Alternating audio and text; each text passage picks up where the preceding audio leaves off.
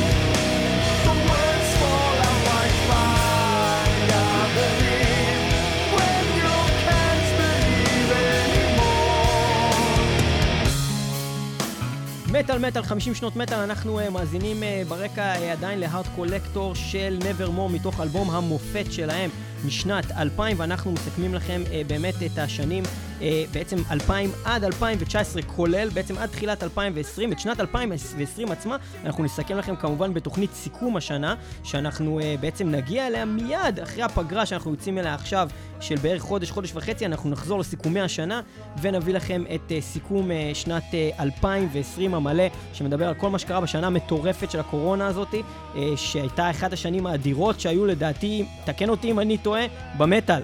בהחלט, בהחלט, אחת ה... באמת שנים מאוד מפתיעות.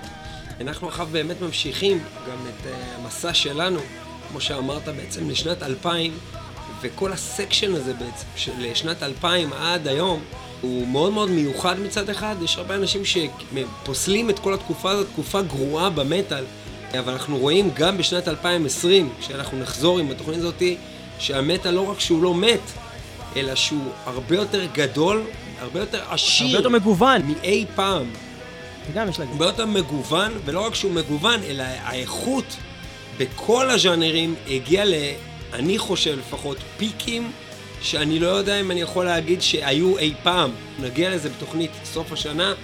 ככה אנחנו גם רואים בשנת 2000 את ההתפתחות, התקופה הזאת של בין שנות התשעים באמת לתחילת תקופה חדשה. אנחנו נראה פה התחלה של ז'אנרים חדשים. וגם סיום תקופה, סיום תקופת ה-New Metal, ובאמת שנת 2000, שבה אנחנו נמצאים כרגע, אה, היא נמצאת בדיוק בטווח שבין זה לזה. אז בואו אנחנו נראה מה היה לו בשנת 2000. אוקיי, okay, אז קודם כל אנחנו בתוכנית הזאת בכלליות אה, הולכים אה, לרוץ אה, די מהר על האלבומים. יכול להיות שיש אלבומים מאוד חשובים שאנחנו גם לא נרחיב עליהם כי אי אפשר להרחיב. אנחנו מדברים בניגוד לסיכום שנות ה-70-80 או ה-80-90 שעשינו בפרקים הקודמים. אנחנו מדברים כבר על שנים שיש בהם עשרות ומאות אלבומים טובים בכל שנה, ולכן צריך ממש לעשות קודם כל פוקוס על מה בכלל מזכירים, יש מלא דברים שאנחנו לא נזכיר פה, כי הם לא היו מספיק חשובים או לא מספיק טובים לטעמנו, ויש גם עניין פה של טעם שנכנס. אם בשנות ה-90 היינו יכולים לדבר על אה, עשרה מתוך 30 אה, אלבומים, סתם שיצאו באיזה שנה, פה אנחנו מדברים כבר על, אה, על, על כמה עשרות מתוך מאות, ויש מצב טוב שמישהו שם בבית יושב ויחשוב, איך יכול להיות שלא הזכרתם את זה, ויכול להיות שפשוט לא, אנחנו לא יכולים להגיע לזה, אנחנו מוגבלים בסופו של דבר בזמן, וזה סיכום הכי שאפשר להביא בזמן שיש לנו ל-20 20 שנה של מטאל. אז אנחנו uh, נתחיל משנת 2000 ואנחנו נרוץ על האלבומים uh, שבעינינו חשובים שיצאו ויש להזכיר אותם. Demons and Wizards מוצאים את האלבום הראשון שלהם, Demons and Wizards, Children of Bodom את Follow the Reaper המעולה, Cradle of Filth את מידיאן האדיר שמגיע אחרי ה-EP הגדול שלהם שיצא בסוף שנות ה-90, From the Cradle to Enslave, דבר שבאמת שם אותם על המפה העולמית וגם ב-MTV, Godsmack מוציאים את Awake והופכים להיות אחת הלהקות הגדולות בעולם, גורגורות עם אינסיפיד סייטן, אחד האלבומים הכי טובים שלהם עד היום, הלפורד בקריירת הסולו שלו, Resurrection, אלבום אדיר, HammerFall, Renegade, מעולה, In Flames, Clayman, שעוד ידברו עליו אחר כך במשך שנים, Limp Bizkit, כל האלבומים האלה חוגגים 20 שנה, אבל עכשיו באמת הרבה מדברים על, ה, על בעצם האלבומים האלה של ה nu metal שעוד היו בשנת 2000, זה Limp Bizkit, Chocolate Starfish and the Hot Dog, אני לא מצליח להגיד את זה, Chocolate Starfish and the Hot Dog Flavored Water, ו Linkin Park Hybrid Theory שעכשיו יצא מחדש וחזר להיות במקומות הראשונים במצעדי המכירות, כי יצא בעצם אלבום 20 שנה להייבריד תיאורי, אז פתאום כולם קונים את זה עוד פעם. אני יכול להגיד ספציפית לגבי לינקין פארק, שאם זה היה עד הסוף מטאל, אני חושב שזה עדיין היה האלבום הכי חשוב שיצא בשנה הזאת. זה אפילו יותר חשוב מהאלבום שאנחנו בחרנו, ברגע שמענו ממנו באיזושהי רמה, כי זה השפיע באמת על כל העולם. זה לא לגמרי מטאל, זה לא לגמרי יכול להיות האלבום המייצג, אבל בהחלט שזה אלבום ראוי. מרלין מנסון, גם מאותו uh, בעצם ז'אנר של ניו מטאל וחבריו, uh, מוציא את הוליווד, ופנטרה מוציאים את אלבומם האחרון, לפני שדיימבאג דארל נרצח מספר שנים לאחר מכן, Reinventing the Steel. Rhapsody, המעולים מוציאים את Dawn of Victory, Symphony X את uh, V, The New Mythology Suite, The Haunted, את Made Me Do It, המדובר, וויידר את Litany. זה בגדול מה שקרה בשנת 2000, ושלושת האלבומים החשובים ביותר שיצאו הם אחד, Disturbed, The Sickness, שהוא בכלל כאילו טירוף מבחינת מכירות ולשים את המטאל, אה, הניו מטאל על המפה, הוא, הוא באותו, באותה רמה מבחינת אה, חשיבות אה, עולמית באותה תקופה עם אה, לינקין פארק. בניגוד להרבה אלבומי ניו מטאל, שנהיו גדולים בגלל איזה שיר או שניים שבאמת תפסו ב-MTV והגיעו לכל העולם, אני חושב שהאלבום של דיספרב הוא היה אחד האלבומי ניו מטאל שהם פשוט אה, היו כאלבום, באמת אלבום זהב, שלא היה אפשר למצוא בו משהו שהיה לו סיבה אמיתית להיות להיט ענק בעולם, והוא הצליח באמת בזכות עבודה מדהימה של הלהקה הזאת, האלבום הראשון, בניגוד לאלבומים שבאו אחר כך. בניגוד לכל האלבומים שלהם. כל האלבומים שלהם שבאו אחר כך, כן. אף אחד לא קרוב לגעת בקרסוליים של האלבום הראשון שלהם. אה, מעבר לזה, איירון uh, מיידן, וזה גם יכל להיות פה הפוקוס, איירון מיידן מוציאים את Brave New World, שלא רק שזה אחד האלבומים הכי טובים של מיידן, ואולי הטוב ביותר שלהם, יש שיגידו, וכל פעם שאני שומע אותו אני חושב, יכול להיות שזה האלבום הכי טוב שלהם בכלל. אתה חושב שיש עוד אנשים שמסכימים איתנו? אני, אני מכיר מעטים שחושבים את זה, מעטים, כי בסופו של דבר יש להם את, ה, את הכבוד, אתה יודע, של, של, של Powerslave. זה לא מקובל, כן. זה לא זה טענה לא, זה לא טענה מקובלת, אבל אני ואתה, אה, יש לנו הסכם מאוד חזק כזה, שאם זה לא הכי טוב שלהם, אז זה בטוח מהשניים, שלושה הכי טובים שלהם. בטוח. ובהחלט זה גם עניין של קאמבק שצריך לציין. ברוס דיקנסון לא היה בלהקה, הוא עזב אחרי Fear of the Dark 1992, והוא לא היה בלהקה במשך אה, שבע שנים, היה את בלייז ביילי, הוא הוציא איתם שני אלבומים די מחורבנים, שיש בהם כמה שירים טובים, אבל כאלבומים וכלהקה כזאת גדולה, הם לא היו באמת אלבומים טובים, בטח לא uh, Virtual 11, אקס פקטור עוד אפשר להגיד שהוא אלבום טוב. Uh, והדבר שאנחנו התמקדנו בו כמובן זה Nevermore Dead Art in a Dead World, אלבום זהב, אלבום מושלם. נכנס גם לתוכניות של, אה, של אלבומי הזהב של שנות האלפיים שעשינו, גם לתוכנית של, עשינו תוכנית של 20 אלבומים שחוגגים 20 שנה בשנת 2020, שזה בעצם סיכום שנת 2000 באיזושהי מידה כלשהי, שחושבים על זה. אז, אז גם זה נכנס לשם. אלבום אדיר, מושלם, מהרגע הראשון עד הרגע האחרון, והאלבום הכי טוב שלהם, אני חושב שזה השפיע על המון להקות שבסופו של דבר גם גדלו על נברמור, שפרצו פה גבולות של משהו שהוא, שהוא הוא, הוא סגנון אחר, זה סגנון שלהם, עם סאונד שלהם, עם, עם שירה מאוד מאוד ייחודית להם, ואני חושב שהם לקחו את המטאל למקום אחר עם האלבום הזה, ואת עצמם למקום אחר עם האלבום הזה, וזה למה בחרנו להביא אה, דווקא את האלבום הזה בשנת אה, 2000. אה, זו בדיוק השנה, שנת 2000, שבה אה, בעצם אל פיטרלי מחליף את מרטי פרידמן במגדף. מטאליקה מוציאים את השיר I Disappear, שהיה בעצם אה, במקור בסאונדטרק של אה, משימה בלתי אפשרית 2, ומעולם לא שוחרר אחר כך. הוא היה אחלה שיר. הוא, הוא עדיין אחלה שיר. הבעיה איתו היה, זה שבעקבות שחרור השיר בעצם התחיל כל הבלגן של נאפסטר. נאפסטר בעצם התביעה של מטאליקה נגד נאפסטר התחילה עם הנושא של ההורדות המסיביות על השיר הספציפי הזה, ומפה זה יתגלגל. בנוסף לזה נזכיר את אה, זה שאנג'לה גוסו נכנסת כמחליפה אה, של ג'ון לייבה ב Arch Enemy ובעצם יוצרת גם מהפכה בלהקה וגם מהפכה בכל נושא של תפיסה של נשים בעולם המטאל וגם כמובן באופן כללי uh, לפי טעם הרבה אנשים מביאה את הלהקה הזאת לדרגה חדשה אה, בגלל כל הבאז שזה יוצר על הלהקה. ואנחנו נעמיק בדבר הזה ממש עכשיו, אה, בעניין ארץ' אה, אנמי. ממש עוד רגע אנחנו נתייחס לזה בהרחבה לאלבום של שנת 2001, אבל בואו נעבור לאירועים של שנת 2001 לפני שנעבור לאלבומים. אז מה קרה ב-2001? אז קודם כל אנחנו מתחילים מזה שכמובן האירוע המרכזי, אה, צ'אק שולדינר, אה, סולן Death, נפטר בגיל 34.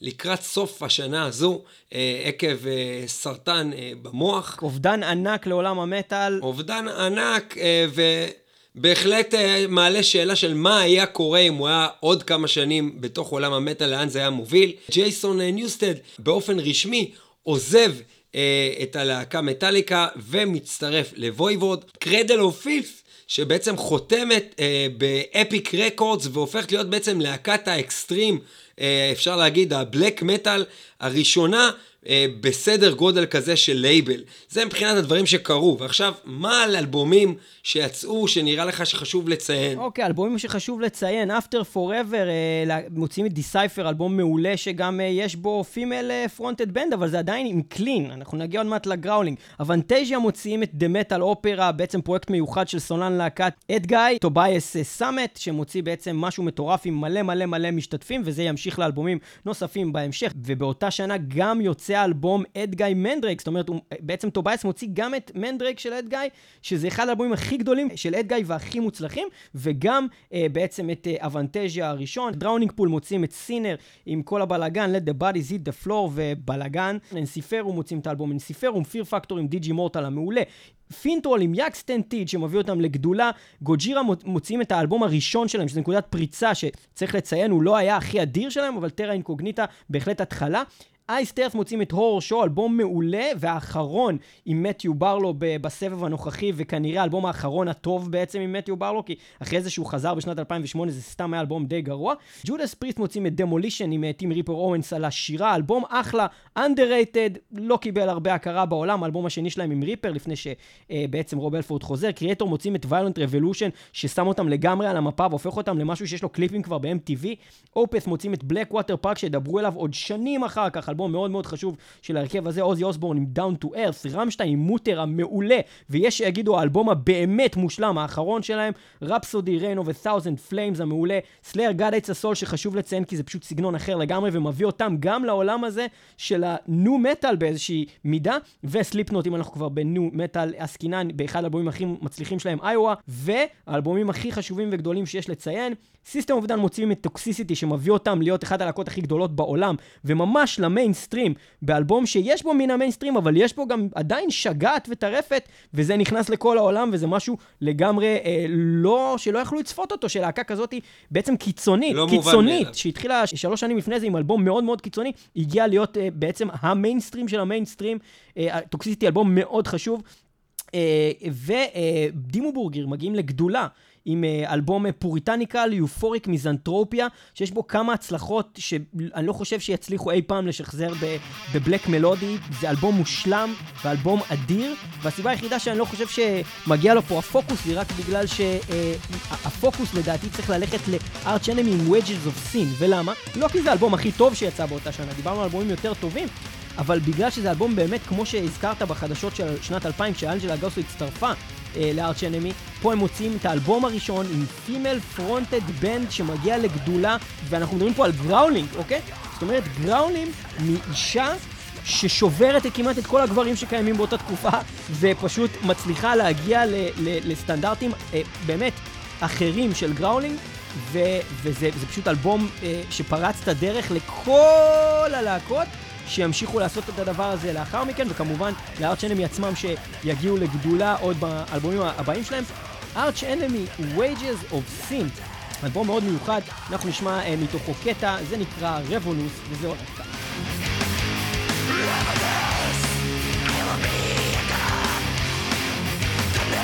Jesus,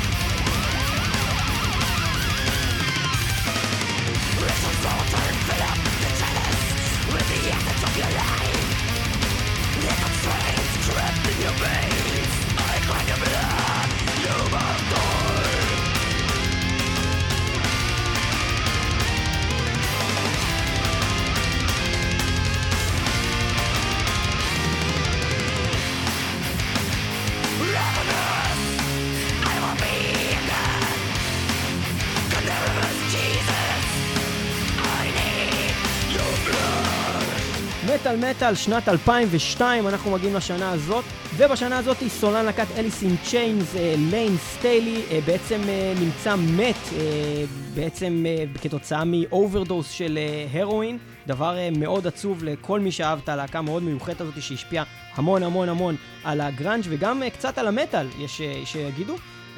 ובשנה הזאת גם בעצם דייב מסטיין מלהקת Megadeth מפרק את הלהקה אה, מה שהיה נראה באותו זמן כנראה למשהו תמידי, והתברר שלא, אבל אה, זה היה בעקבות אה, בעצם פציעה מאוד רצינית שהייתה לו ביד, שהשאירה אותו בעצם ללא יכולת נגינה כלל למספר שנים, עד שהם בעצם... אתה זוכר את היום הזה שהודיעו על הפירוק של מגדס? אני חושב שאני בכיתי, אני חושב שבכיתי באותו. יש לנו תמונות סטילס, תמונות סטילס שאנחנו בוכים. יש דבר כזה. יום השואה ל-Megadeth, קראנו לזה. יום השואה ל-Megadeth. ובעצם ישבנו ביחד, אני ואתה בחדר שלי, עוד היינו גרים בבית, עם ההורים, ו- ובעצם עישנו נרגילה והאזנו לכל האלבומים של Megadeth ברצף, במשך שעות. Uh, הסולן של Drowning Pool מת. Uh, והוא נמצא בעצם uh, בתוך ה-tour bus שלהם, uh, מת מאיזה משהו שקשור ללב. אז אה, כן, זה גם דבר נורא שקרה, כל מיני אנשים מתו, איזה באסה, ומה עוד קרה בשנת 2002? אלבומים מאוד מעניינים. אני חושב שכל מי שאומר שהשנים האלה הן פחות חשובות במטאל, הוא לא, לא העמיק מספיק. 36 קרזי פיסט ביטרנס דה סטאר, אלבום אה, אולי הכי חשוב של ההרכב הזה, וזה הרכב שהוא בפני עצמו חשוב.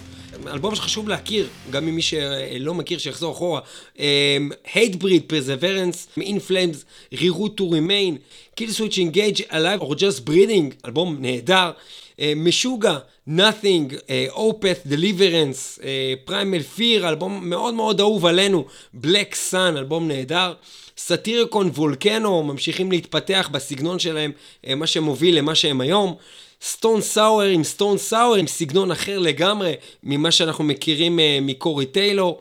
סימפוני אקס, דה אודיסי, עוד אלבום uh, ממש נהדר ומוצלח של סימפוני אקס שמצליחים להפתיע בכל פעם. Uh, ואז מתחיל רצף של אלבומים. אה, באמת מאוד משמעותיים וחשובים אה, בשנת 2002. אימורטל אה, מביאים את Sons of Northern Darkness. פשוט אלבום דגול שלפחות בשבילי גרם לי לשמוע את אימורטל ואז בעצם להתחיל לשמוע אותם אחורה. אני חושב שזה קרה להמון אנשים בעולם שלא הכירו באמת את אימורטל וחשבו שהם איזה להקת סרחת עד אותה תקופה, כי באמת היה להם תקופות של סרחת. האלבום הזה מופק היטב, נראה טוב, מצטלם טוב וכולם מכירים את הפרצוף של אבאס מאז. Forever בעולם, אלבום מאוד מאוד מוצלח, מאוד מוצלח. יפה, קטקליזם בתקופה מאוד טובה שלהם, זה בעצם התקופה של קטקליזם, מביאים את Shadows and Dust. אני חושב Shadows and Dust זה בעצם נקודת הפריצה הגדולה של קטקליזם. קטקליזם הייתה להקה שקיימת הרבה זמן עוד לפני זה, הם הוציאו מספר אלבומים. בזמנו הם היו נחשבים כי הם בעצם עשו משהו שאף אחד לא עשה באלבומים הראשונים, שזה היה פשוט לעשות את המטאל הכי כבד שיש. הם קיבלו כבוד על זה שהם עשו את הדבר הכי כבד. האם זה היה טוב? לא, זה לא היה טוב, זה היה די חרא, אבל זה היה פורץ דרך. אבל היום, אם תשמעו את האלבומים הראשונים שלהם, הם מחורבנים. אפילו אלבום אחד לפני Shadows and Dust, שנקרא אפיק, היו בו כמה יציאות מאוד חשובות, אבל כאלבום, הוא לא אלבום כזה מדהים. Shadows and Dust היה האלבום הראשון של קטקליזם, שהוא היה אלבום אדיר, שהם היו להקה אדירה, וזה התחיל סריה של אלבומים אדירים, אחד אחרי השני, שהפכו אותם להיות אחת הלהקות הכי טובות אי פעם בז'אנר שלהם. אה, זה אלבום מדהים, Shadows and Dust. בניגוד מוחלט למה שאמרת הרגע, להקת מנוור ממשיכה רצף, ואפילו חוזרת לפיקים הכי גדולים שלהם עם אלבום ב-2002, להקה שאנחנו מדברים עליה שהיא משנות ה-80. חוזרת עם אלבום Warriors of the World, שפשוט מפוצץ את העולם. זה פשוט אלבום... אה, עוד פעם, הם פשוט מצליחים לעשות זה שוב, לקחת את כל השריונות שלהם ואת כל הבדיחה שכביכול הם, ולהראות שהם עושים את זה יותר טוב מכולם. זה פשוט מדהים איך להקה מצליחה לעשות דבר כזה. אני עד היום נדע מהאלבום הזה, Warriors of the World. אני רק אגיד ש, שזה האלבום האחרון הטוב שלהם, והאלבום אחד הכי טובים שלהם אי פעם. וזה האלבום האחרון הטוב של מנור יצא לפני 18 שנה, זה נכון. אה, ו... ו... אה, בעצם האחרון שאנחנו נתמקד בו זה פלאדבט, להקה שהיה להם הרבה עליות ומורדות לאורך הקריירה שלהם בשנת 2002. הם מוציאים את Resurrection Through Carnage, אלבום שאם אנחנו נשווה אותו להמון אלבומים אחרים של בלאדבאט, הוא בטח דבר ראשון אחד החשובים שלהם. לא רק בגלל שיש בו המון המון שירים איכותיים, שהם מאוד מאוד מרכזיים ברמת ה-death העולמי מקבלים הרבה חשיפה.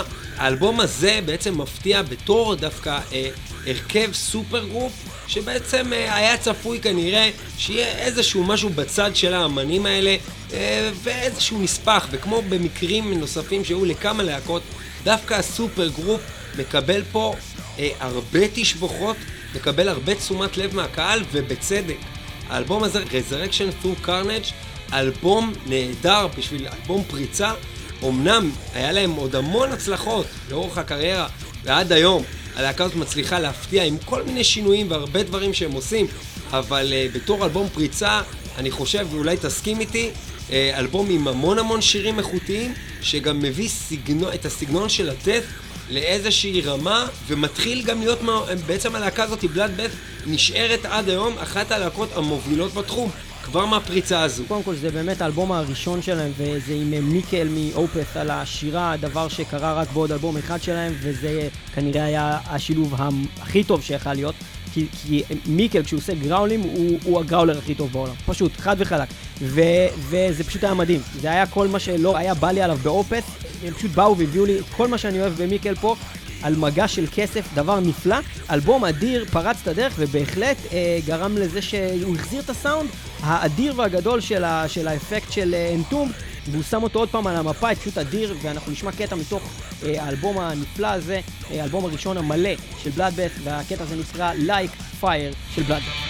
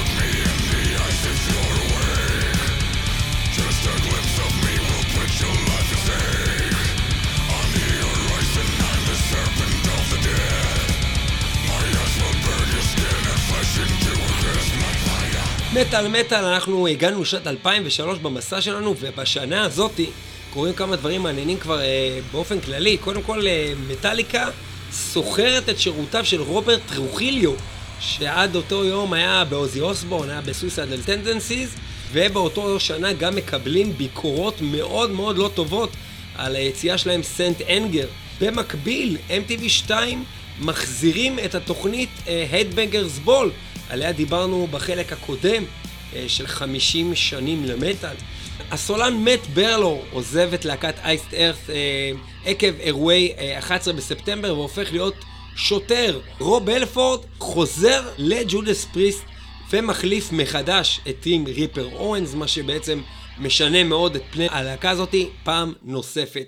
ובואו עכשיו נדבר איתנו ליאור על ההרכבים מאוד מאוד מהר. כמובן שאנחנו נדבר רק על חלק מהאלבומים, אה, אנחנו נדבר על אלבומים בולטים. Arch Enemy מוציאים את Anthems of Rebellion המעולה, Avenged Sevenfold, את Waking the Fallen, אלבום הראשון שלהם שהוא באמת מוצלח, רק הראשון שהיה לפניו היה פחות טוב. Children of Bodom, את אחד האלבומים האדירים, האחרון שלהם שבאמת היה שווה משהו, שזה Hate Crew Deathroll, באמת מעולה. Chimaira עם The Impossibility of Reason, Deathstars עם Synthetic Generation המצוין. DevilDriver, מוציאים את האלבום DevilDriver הראשון שלהם, מה שמביא את, את השינוי הגדול במה שדז פפארה עשה לפני זה ב-Coal Chamber, זה היה מאוד פשוט, לוקח את זה למקום מאוד מאוד מורכב, ועם זאת מאוד מאוד קליט, DevilDriver, להקה זהב. אה, ו-Dimmu Borgir מוציאים את Death Cult Armageddon האדיר, עוד אלבום ששם את הבלק מטאל המלודי על המפה העולמית, וכל העולם, ממש כל העולם אה, אה, שומע את האלבום האדיר הזה, שמגיע גם עם קליפים ושלל merchandise, DragonForce, Valley of the Damned, Hatebreed, The Rise of Brutality, Lamb of God, As the Palaces Burn, עדיין לא כזה טוב בשביל שצריך לציין אותו כאלבום פוקוס, אבל בדרך לשם אנחנו נגיע אליהם בשנים הבאות. Machine Head עם Through the Ashes of the Empires, שהיה בו כמה הצלחות גדולות, Strapping Young Lad עם אלבום Strapping Young Lad, ו Naglfar עם Sheol. והאלבום אה, שאנחנו בחרנו להתמקד בו הוא דווקא האלבום הראשון של Swallow the Sun. זה האלבום הכי טוב שלהם by far, ואני חושב שזה אלבום שהלהקות אה, מהסגנון שבאו אחר כך למדו ממנו המון, אה, כי הוא לקח את ה, בעצם את ה doom.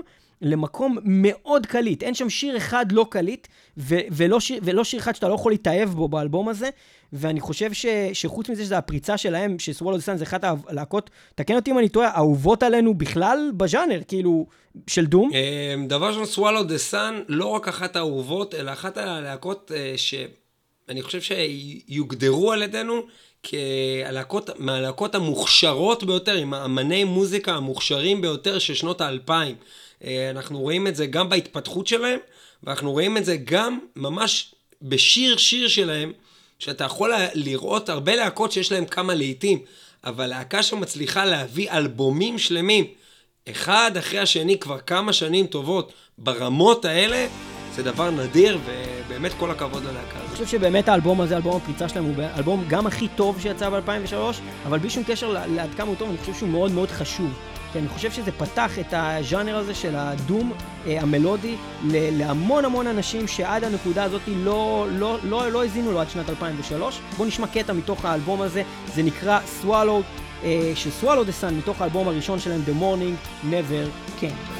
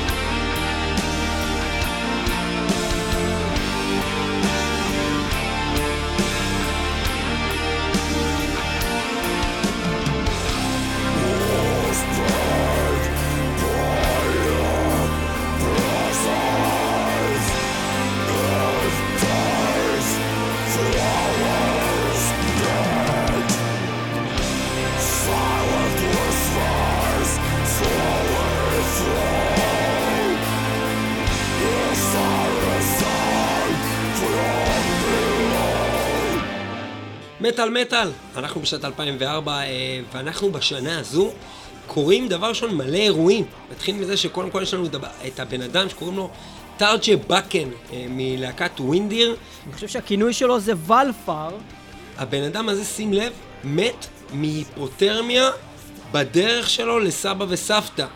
אה, כתוצאה מזה, זה באמת כאילו, קרה. הגרסה הממש מורבידית של, אה, של כיפה אדומה, כאילו. ממש ממש ככה, כתוצאה מזה Windir מתפרקים. Damageplan, בעצם אה, אנחנו מדברים על מה שקרה עם Dimebag Darrell, שזה אחד מהאירועים הכי...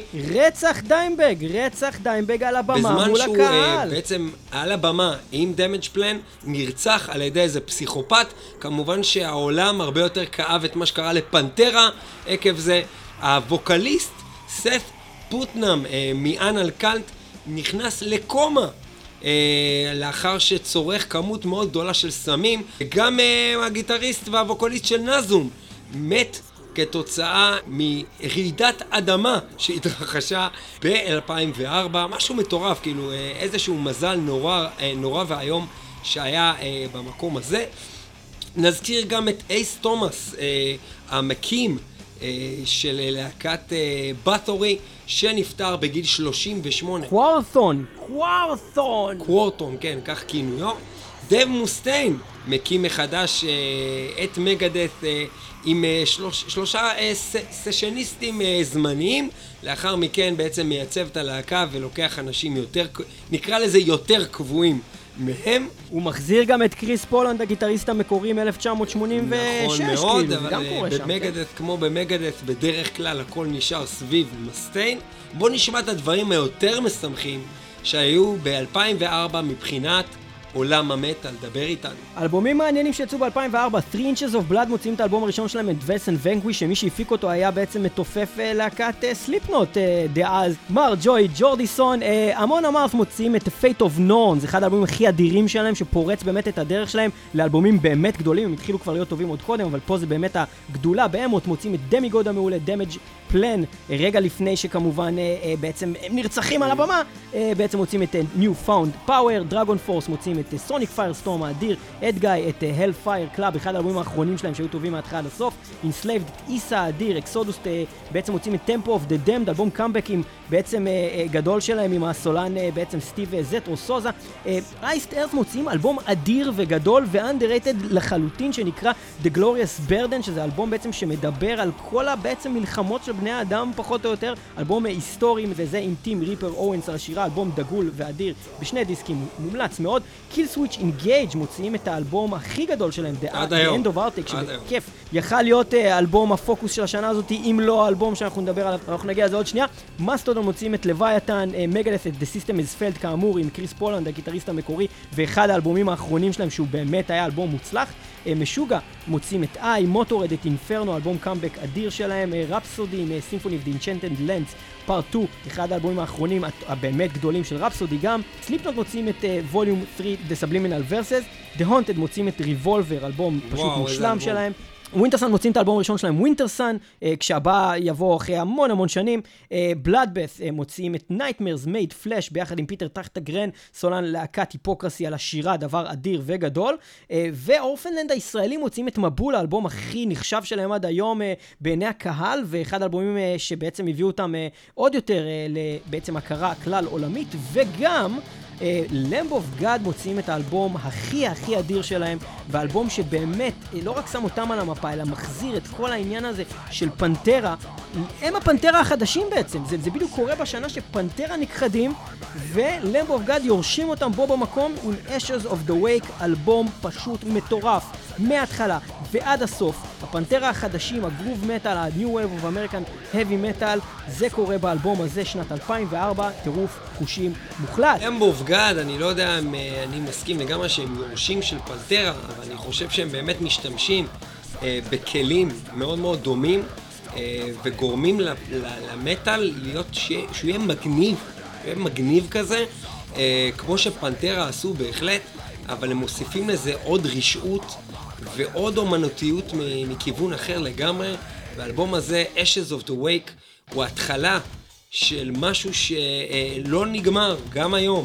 אמנם לא תמיד באותן רמות, ולא תמיד האלבומים כאלבום מגיעים לגדולות כמו שהם היו בדרך הזאת שהם התחילו לסלול באלבום הזה, אבל עדיין, גם, גם השנה, גם ב-2020, למב אוף גאד, כשהם מוזכרים, אתה מרגיש את אותו דבר בלב שהרגשת אז, שזה איזה משהו יוצא דופן, שזה אנשים שיש להם יכולות ביצוע בלתי רגילות, ואנחנו עכשיו נשמע שיר מתוך האלבום הזה שנקרא Ashes of the Wake, והשיר קוראים Now you've got Something to die for. We'll never get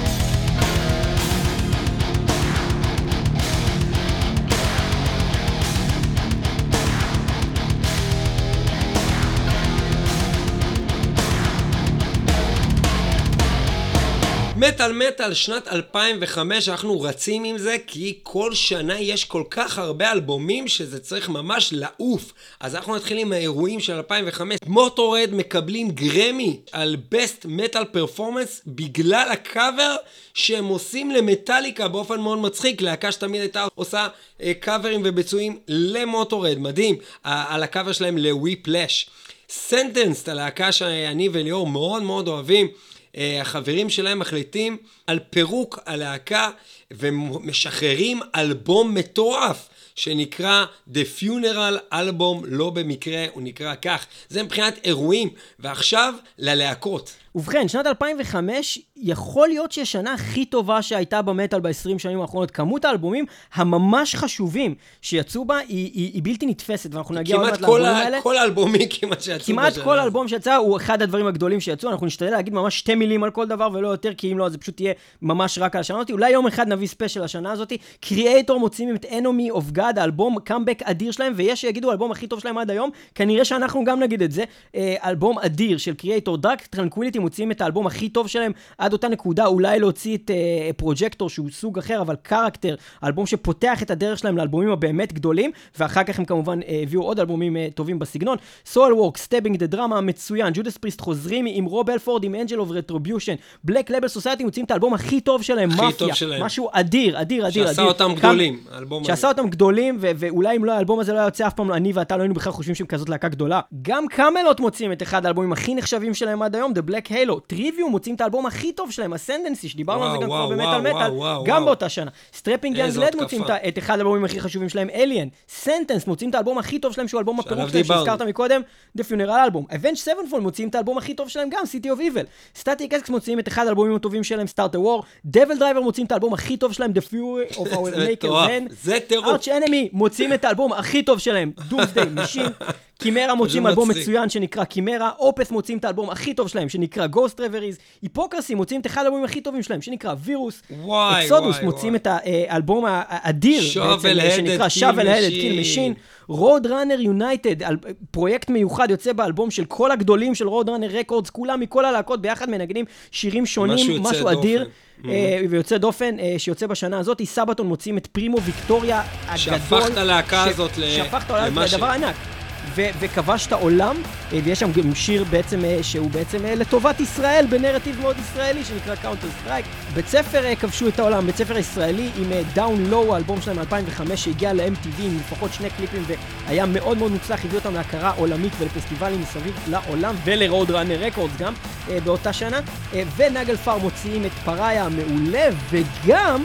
להקת Gojira מוציאה, אמנם זה לא האלבום הראשון שלהם, אבל זה אלבום הפריצה שלהם הגדולה לעולם, אלבום אדיר ומושלם שמשנה לגמרי אותם ואת הז'אנר ומלא להקות שיבואו אחריהם וינסו לעשות מה שהם עושים עכשיו ללא הצלחה. האלבום הזה נקרא For Mars to Sirius והוא אלבום בעינינו באמת הכי חשוב שיצא ב-2000. אני אגיד לך מה, האלבום הזה, אה, קוג'ירה הם כאילו היו כל הזמן שם, כבר עשו את הסגנון הזה שלהם, הם כבר יצרו אותו, אבל כשהיית מאזין לאלבום, היית הרבה פעמים אומר, מרגיש שמשהו לא מכוונן עד הסוף, ש, שהם עדיין עובדים על זה. באלבום הזה הם הצליחו להגיע להישג, הם הצליחו They באמת... They brought it to perfection. בדיוק, ממש לקחו את הסגנון שהם יצרו והצליחו להבין איך לשבת בדיוק על הנקודה ולייצר להיט אחרי להיט מהסגנון שהוא כולו שלהם, ליצור מצב שאתה שומע מאייה לשיר שלהם ולדעת שזה Gojira על השנייה, שזה הישג כביר ללהקה, ולעשות את זה באלבום שלם, שכולו שירים ברמה מדהימה, לא פחות.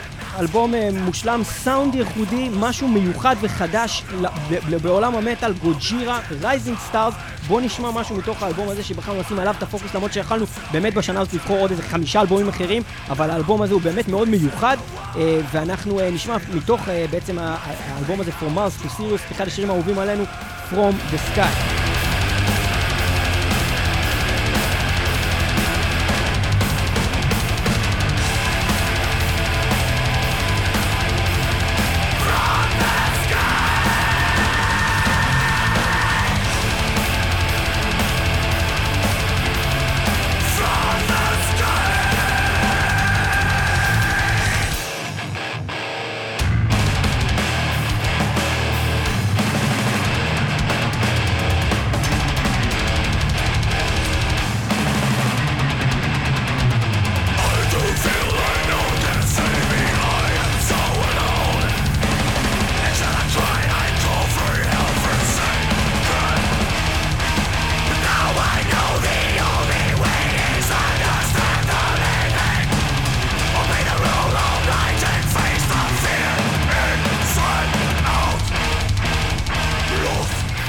מטאל מטאל 50 שנות מטאל, אנחנו ממשיכים את התוכנית הזאת, אנחנו הגענו לשנת 2006 ואנחנו עכשיו הולכים לדבר על האירועים שקרו בשנה הזאת.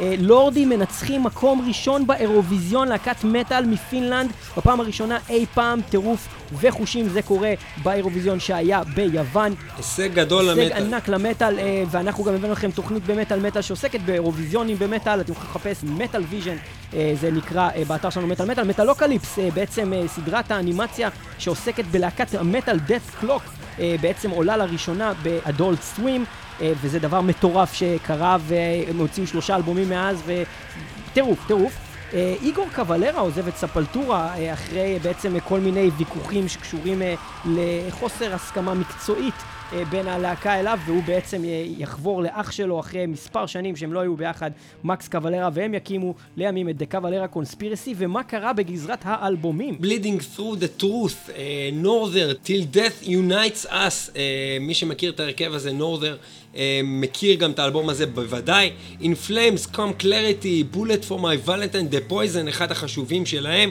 קטקליזן uh, מביאים את In the Arms of Devastation. ש... שבהחלט יש בו המון המון לעיתים חשובים של ההרכב הזה.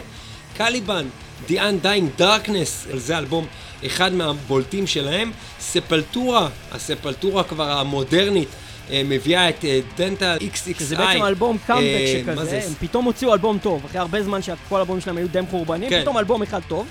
Cannibal Corpse, Kill, Scar Symmetry, Pitch Black Progress. יש לנו את Dissection. שבולטים מאוד בשנה הזאת עם האלבום Reinkaos. אלבום שמאוד השפיע על, ה- על ה melodic death metal, והוא בעצם האלבום האחרון שהלהקה הזאת הוציאה, אחרי שבעצם סולן השתחרר מהכלא, ואחרי זה הוא גם התאבד. חבל. Enslaved עם האלבום Ruun, Necrophobic עם Hrimthursum. איך אתה אומר את זה? אני לא אומר את זה. Satyricon, Now, Diabolical, אולי האלבום האהוב ביותר עלינו של Satyricon, מביא את Satyricon, מביא את ה black למקום uh, מעורבב עם פופיות מסוימת, כמו שגם uh, Dimmu Borgir ועוד להקות מהסגנון הזה לקחו ועשו, מחכימים Satyricon ועולים דרגה מבחינתנו. Lamb of God עם Sacrament, uh, לוקחים את הסגנון שלהם לעוד יותר משהו מודרני, בהחלט אלבום מצוין וחשוב. Hatebreed, Supremacy, Mastodon, Blood Mountain, הנהדר, Amon Amarth, with Odin uh, on our side. בעיניי זה גם האלבום הכי טוב שלהם. מבחינת גם אם, אם בודקים את, ה, את השירים, שיר שיר בתוך האלבום הזה, כנראה האלבום עם הכי הרבה שירים גם uh, שהתפרסמו מבחינת כמות. Uh, Into Eternity, The Scattering of Ashes, Cradle of Filth, Thornography שכמו שדיברתי הרגע על uh, בעצם uh, Satyricon, עושים שוב את אותו דבר, גם הם לוקחים את ה black למקום הרבה יותר פופי, הרבה יותר פונה לקהל הרחב. אלה שהם old uh, school מתחילים לרדת עליהם, ואלה שהם new school ומצליחים להיכנס לעולם הזה דרך בעצם אלבומים בדיוק כמו, uh, כמו זה, שאנחנו ממש לא נגד זה, ואנחנו חושבים שבעצם אלבומים כאלה באמת מצליחים להיות קליטים וכבדים באותו זמן שזה נהדר. וליאור ספר לנו על אח שלנו היקר ממלך אש. MC ממלך אש, אה, האיש יקר שהתארח אצלנו בתוכנית פעמיים, אה, הוא מוציא בשנת 2006 את האלבום הכי מוצלח של הלהקה שלו, מלך אש, להקה שהתחילה בישראל בירושלים והמשיכה לאמסטרדם ולכל מיני מחוזות אחרים. אה, הלהקה הזאת היא להקה ישראלית במקור, להקה שפשוט לוקחת את כל העניין הזה של המטאל האוריינטלי, או איך שלא תקראו לזה, עם הנגיעות הבעצם אתניות המזרחיות, ו... מביאה אותו ל extreme metal, לא סתם, אה, לא שאני בא עכשיו לרדת על Orphaned Land, כן, הם כבודם במקומם מונח, אבל פה זה extreme metal, שבעצם משתלב בו כל הקטע האותנטי בצורה מושלמת, וזה קורה באלבום הזה, Emissaries, והיו להם עוד אלבומים טובים אחר כך, אבל אף אחד לא טוב כמו האלבום הזה. אנחנו נשמע קטע מתוך האלבום הזה שבעיניי, ובעינינו במטאל מטאל הוא האלבום הכי חשוב והכי מיוחד, שגם באמת, אחריו למדו המון להקות מטאל, איך עושים את הדבר הזה נכון. אה, בעצם איך משלבים אוריינטל מטאל ביחד עם, עם אקסטרים מטאל ועושים את זה מושלם. אמסריז נשמע מתוך זה Rebirth of the Nemesis, זה אדיר, זה הולך ככה.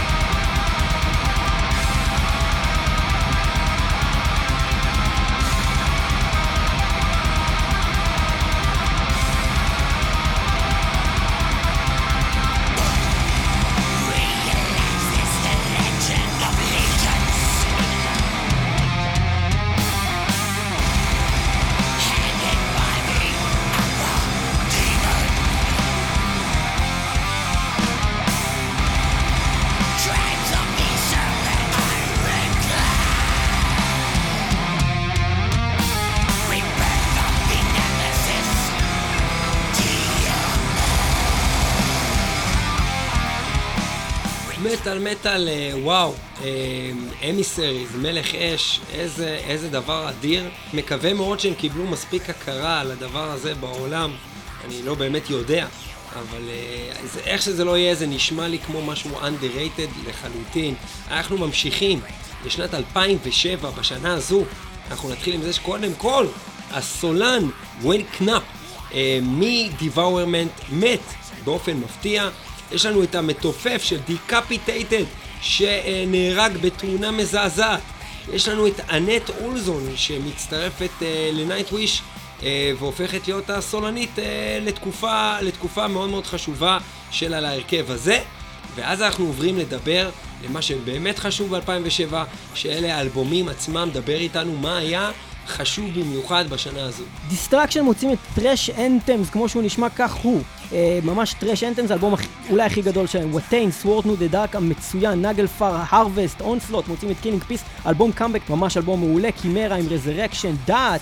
אה, להקה חדשה שצצה עם The Hinderers באותה תקופה, אני זוכר שהייתי קורא כל מיני כאלה אה, מגזינים של מטאל, דיברו על זה שהם ההבטחה הגדולה של עולם המטאל, זה החזיק כמה שנים, בסוף הם נעלמו. Machine Head, The Blackening, על פי רבים נחשב לאלבום הכי טוב שלהם, אנחנו אוהבים אותו מאוד, לא בטוח שהיינו אומרים שהוא הכי טוב שלהם, אבל אחד הטובים. Dark Tranquility עם Fiction. עצור הכל.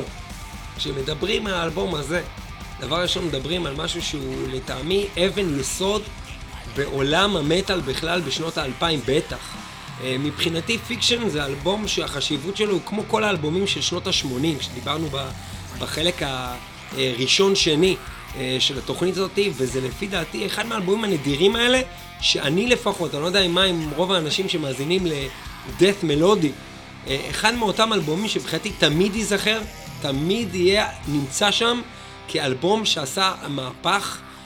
גם ב- בלבבות של אנשים מסוימים, וגם באמת באיך שהמוזיקה הזאת נכתבת, וג... ובטח בשביל Dark Tranquillity, שלא משנה מה הם עושים, בטח היום, זה לא מתקרב לזרת של הציפורן של Fiction, אלבום נהדר. מה עוד היה לנו שם? ובכן, היה לנו את Municipal Waste, The Art of Partying, עוד אלבום חשוב בהתפתחות בעצם thrash revival. August Burns Red עם Messengers, Airbourne, בעצם עושים סוג של ACDC קצת יותר מהיר, קצת יותר חזק, אבל מאוד מאוד מוצלח, עם Runnin' Wild, Symphony X Paradise Lost, אלבום מעולה.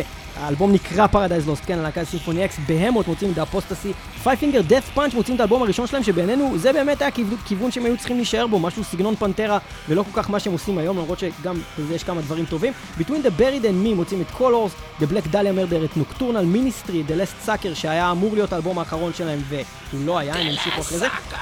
Dethklok מוצאים את האלבום הראשון שלהם, The Dethalbum המעולה, שהביא המון המון המון אה, בעצם אה, לעיתים לעולם, Born of Osiris, The New Reign, Avenged Sevenfold, את האלבום self title שלהם, Avenged Sevenfold המעולה, Volbeat מוצאים את האלבום הכי טוב שלהם, Rock the Rebel, Metal the Devil ופאוור וולף עם הלופוס דיי, אבל עדיין לא אלבום מושלם, יש שם כמה פנינות מאוד גדולות, אבל לא אלבום מושלם, אנחנו נגיע לאלבומים מושלמים שלהם בהמשך, והאלבום הכי חשוב שיוצא באותה שנה הוא דימו בורגיר עם סורטה דיאבולי, שלא רק שהוא אלבום ממש ממש ממש טוב בכלל ושלהם, הוא גם עשה מהפכה, וזה למה הפוקוס הוא כאן עליו, כי זה האלבום בעצם הראשון בהיסטוריה של העולם שהגיע למקום ראשון במכירות באותה מדינה אה, שהוא יצא בה שזה נורבגיה, מקום ראשון במכירות והוא אלבום בלק מטאל. פעם ראשונה שבלק מטאל מגיע למקום ראשון, וזה דבר מהפכני שקרה שם בשנת 2007 עם אינסורטד דיאבולי.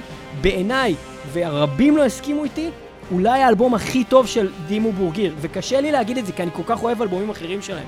אני אוהב המון דברים שלהם. אבל באמת שבתור אלבום מהתחילת הסוף הוא אחד הגדולים, אם לא הכי גדול. בוא נשמע קטע מתוך זה, The Serpentine Offering, דימו בורגיר 2007, זה הולך ככה.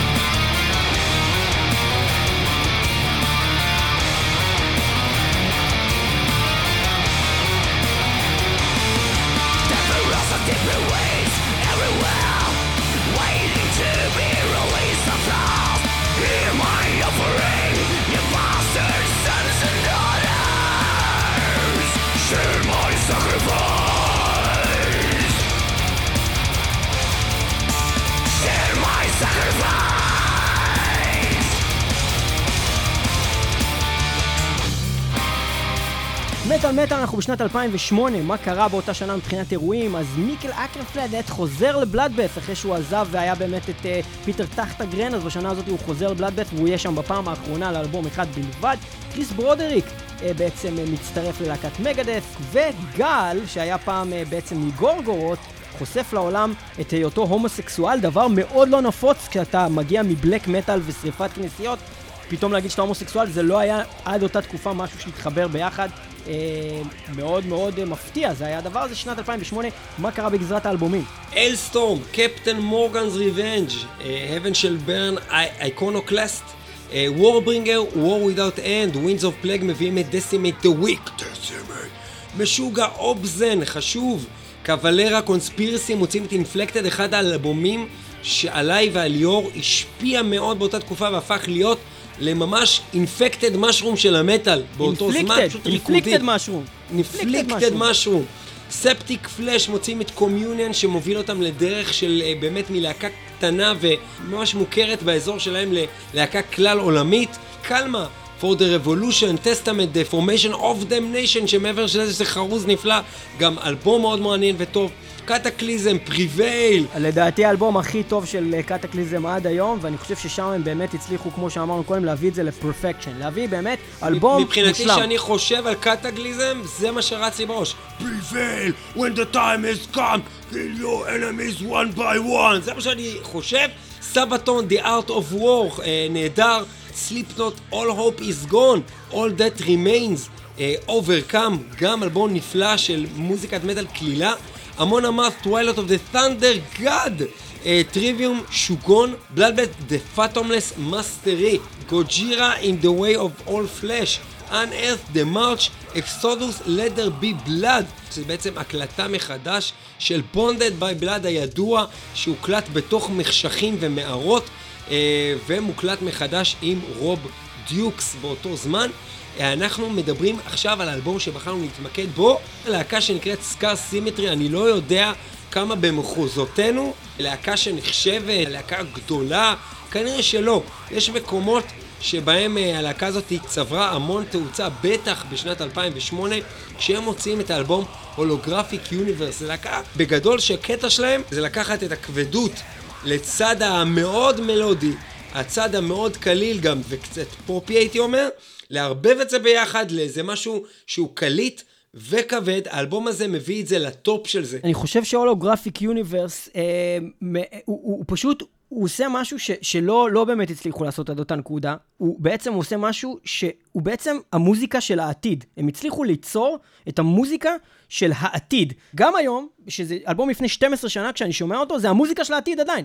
זה, זה משהו שפשוט לא שמעתי כמוהו לפני זה. הם בעצמם לא הצליחו לעשות דבר כזה לפני זה או אחרי זה, ופשוט, זה פשוט להאזין כן. למוזיקה שחייזרים עשו. אה, זה מדהים. זה מופק בצורה הכי מדויקת שיכולה להיות, עם סאונד הכי tight שיכול להיות, עם מוזיקאים מדהימים, והסולן הזה שהוא עילוי, כריסטיאן אלבסטם, שעושה את כל המנעד של הקולות בצורה הכי טובה. מה clean הכי טוב עד ה growling הכי, הכי טוב. כל זה קורה באלבום אחד, אלבום מאוד מיוחד, ואני חושב שבגלל זה זה באמת נכון לשים עליו את הפוקוס, כי הוא פתח את הצוהר למוזיקה עתידנית. אפשר ללמוד מהאלבום הספציפי הזה, לא רק לז'אנר הזה, אלא בכלל על חוסר התפשרות ב- ב- ביכולות, בהפקה ובביצוע, ואיזה שיר אנחנו נשמע מתוך האלבום הזה. אנחנו נשמע את השיר הראשון באלבום הזה שפותח את האלבום, השיר הזה נקרא Morphogenesis, מתוך האלבום שלהם, Holographic Universe, Scar Symmetry, זה הולך. This is your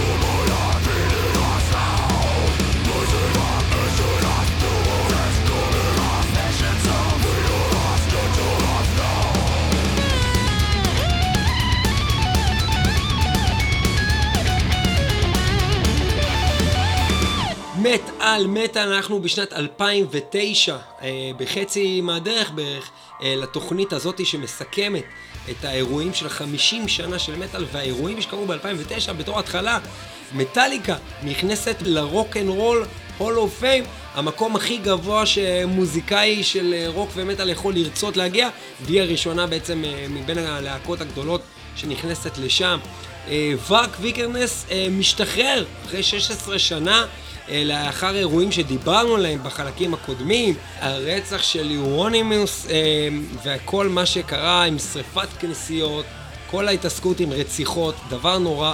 מעבר לזה קורה עוד דבר מאוד מחריד, הגיטריסט לשעבר מ Sentenced, מיקה טנקולה, נמצא מת בביתו, ICS Vortex ומוסטיס עוזבים. שניהם את Dimmu Borgir ויוצרים מהפכה גדולה בלהקה הזאת, ולבסוף, בסוף השנה, 28 בדצמבר, The Rev, המתופף הידוע והחשוב מתוך Avenged Sevenfold, נפטר. Uh, בהמשך מבינים uh, שמדובר על איזשהו שילוב של תרופות ואלכוהול, מאוד מאוד מצער. אה, וסוגר את השנה הזאת בצורה עצובה, אבל מה פותח את השנה הזאת ומה עושה אותה? אה, ליאור, ספר לנו 2009 באלבומים. Cannibal Corpse מוציאים את Evisceration Plague, Adagio מוציאים את Archangels in Black, אחד האלבומים הכי טובים שיצאו בשנה הזאת, וגם זוכה פרס אלבום השנה בטקס פרסי מטאל מטאל. כן. Obscura מוציאים את Cosmogenesis, Candlemass, death magic doom, Chimaira, the infection, Dååth, the concealers, God dethroned, Passiondale, unanimated, את אחד האלבומים הכי אדירים בהיסטוריה של ה black המלודי, in the light of darkness, אה, גם מופיע ביצירות יצירות המופת של המטאל שעשינו כאן במטאל מטאל. ו Alestorm מוציאים את Black Sails at Midnight, Necrophobic, את Death to All, Týr, את By the Light of the Northern Star. Steel Panther מוציאים את Feel the Steel, אלבום מאוד מוצלח שלהם, שמביא אותם לגדולה בעיקר בפני uh, הבנות. Artillery, uh, When uh, Death Comes, Ex Deo, הם מוציאים את Romulus, uh, שזה אלבום בעצם ראשון בז'אנר של מטאל רומאי. בהמות מוצאים את אבנג'ליון, ויידר, את נקרופוליס, death clock, את ה-death אלבום 2, אנסיפרום את פור מפר אחרי שיארי עזב, שזה בעצם הסולן של נורת'ר uh, שמגיע אליהם, היפוקרסי, את את Taste of Extreme Divinity, הית'ן חוזרים עם אלבום קאמבק עם The Evolution of Chaos, ו... פאוור וולף מוציאים את Bible of the Beast, שזה כבר אלבום ראשון שלהם שהוא באמת ברמת מושלמות, וזה משהו שמחזיר אה, עטרה ליושנה ומחזיר את הפאוור מטאל שהתחיל לדעוך בשנות האלפיים למפה עם להקה שבעצם עושה משהו שלימים הוא יהיה איפשהו מתכתב עם Iron Maiden אפילו. אה, לא רק בזה שהם דומים להם בסגנון המוזיקלי, גם בהופעות שלהם על הבמה. Powerwolf, היום אני יודע להכיר בהם כאחת מהלהקות power ו heavy הגדולות בכל הזמנים. אה, וזה קורה שם, עם Bible of the Beast. אני חושב שבאלבום הזה הלהקה, גם ברמת ההופעות שלהם כבר הגיעה אה, לרמה חסרת פשרות. מבינים שבעצם מדובר ב show אה, על כל מה שקשור בזה, על איך הם מציגים את עצמם, על רמת ההפקה באלבום. הכל חסר פשרות, אתה פשוט רואה אנשים מקצוענים שצצו די משום מקום, פתאום איך שהם הגיעו כבר לעולם, הם כבר היו די טובים, ופה באלבום הזה הם מצליחים להראות שהם ממשיכים לצמוח, להתפתח ולהביא את הפאוור מטאל באמת למקומות חדשים, כמו שאמרת, ואנחנו נשמע עכשיו מתוך Bible of the Beast, איזה שיר בחרנו להשמיע? Werewolves of Armenia, ההמנון האדיר שלהם, אנחנו נשמע אותו עכשיו, Werewolves of Armenia של Power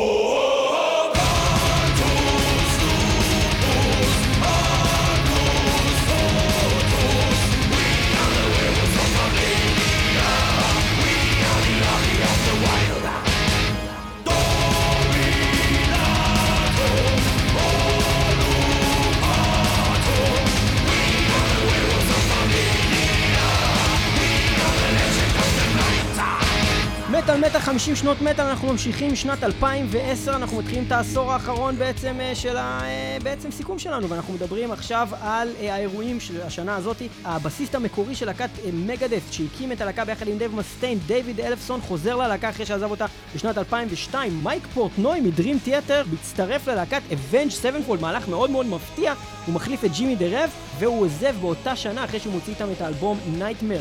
אה, שני דברים נוראיים שקורים בשנה הזאת, אה, זה בעצם שבסיסט, Slipknot פול גריי מת בגיל 38, הראשון מבין התשע שמת, דבר נורא ואיום, והדבר הכי נורא זה שממציא ה metal horns, אחד מהאנשים שהמציאו את המטאל, מי שהיה סולן Black Sabbath אחרי אוזי, אחד האנשים האדירים ביותר, רוני ג'יימס דיו, מת מסרטן בקיבה בגיל 67, וזה קורה בשנת 2010. וזה ממקימי. דבר נורא, ומה הדברים הטובים שקורים באלבומים בשנת 2010. Dark Fortress Ylem, וואו. Sabaton Coat of Arms, שיו. Watain Lawless Darkness, נהדר. דה אקשן סטריין, וורמוט, חשוב. Avenged Sevenfold Nightmare, יפה. Accept Blood of the Nations, Dimmu Borgir Abrahadabra, God Dethroned מוציאים את Under the Sign of the Iron Cross ומפתיעים Forbidden Omega Wave, איזה יופי. יש לנו את In Morning Monolith, האלבום האהוב ביותר עלינו, של קודם כל של In Morning, ובכלל בז'אנר אחד החשובים ביותר. Orphan Land, אני אגיד את זה לאט, The Never Ending Way of Or Warrior, האלבום שלטעמי עדיין הכי אהוב עליי, עליך גם, באורפנלנד. כן, בהחלט. אה, האהוב עלינו ביותר של, אה, לא משנה מה תגידו, אה, מבחינת שלמות של אלבום. Melechesh, The Epigenesis, Overkill עם Ironbound. יש לנו את Hate, מוציאים את Erebos, Hail of Bullets On Divine Winds, Impending Doom, There Will Be Violence, ולסופו של דבר, אחרי כל השמות המפוצצים האלה, יש לנו את להקת Ghost, שהם פשוט באים. פשוט באים כאילו, הם לא מסתכלים בעיניים על כל הלהקות האלה, כי הם באו עם משהו חדש, ישן.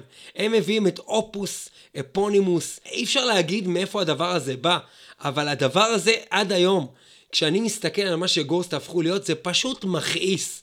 כי האנשים האלה הבינו משהו, הם הבינו שאפשר.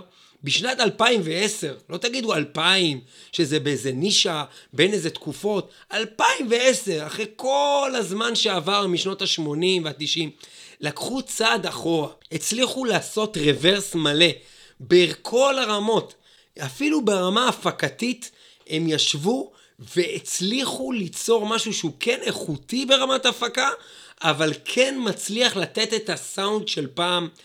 גם ברמת הסאונד של הסולן, גם ברמת הכלים, הם הצליחו ליצור voice מטורף, וגם ברמת הבחירות של האיזון בין סגנון מוזיקלי מאוד מאוד רוק קלאסי כזה, לצד ליריקה אכזרית, זה דבר מדהים. אני חושב שבסופו של דבר אה, יש שיגידו Ghost הם כן מטאל או לא מטאל, וברוב המקרים הם יצדקו, אבל במקרה של האלבום הראשון הזה, הקריצה לעולם המטאל יותר חזקה מהקריצה לעולם הרוק.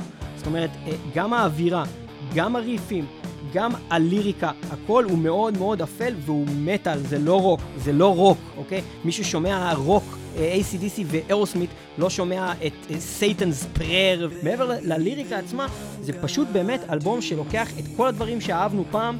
והוא מחזיר עטרה ליושנה, הוא מביא את, את Mercyful Fate ואת Black Sabbath ואת כל הדברים הכי טובים שקרו ברוק שקרץ למטאל, או באמת במטאל התחילתי, והוא מחיה אותם מחדש עם המון סאונד של 70's והמון המון כיף, כיף גדול ומכושף. אפילו יותר מזה, בדיוק 40 שנה אחרי האלבום הראשון של Black Sabbath, Ghost בעצם עושים את אותו מהלך שוב, ומצליחים להביא אלבום של רוק להפוך אותו לאלבום של מטאל על ידי אווירה של אופל.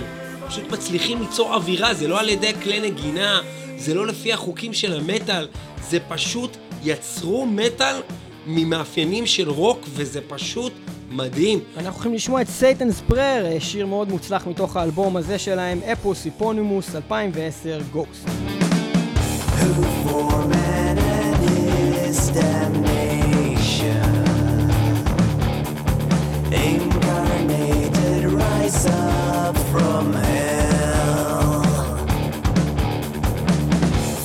sitting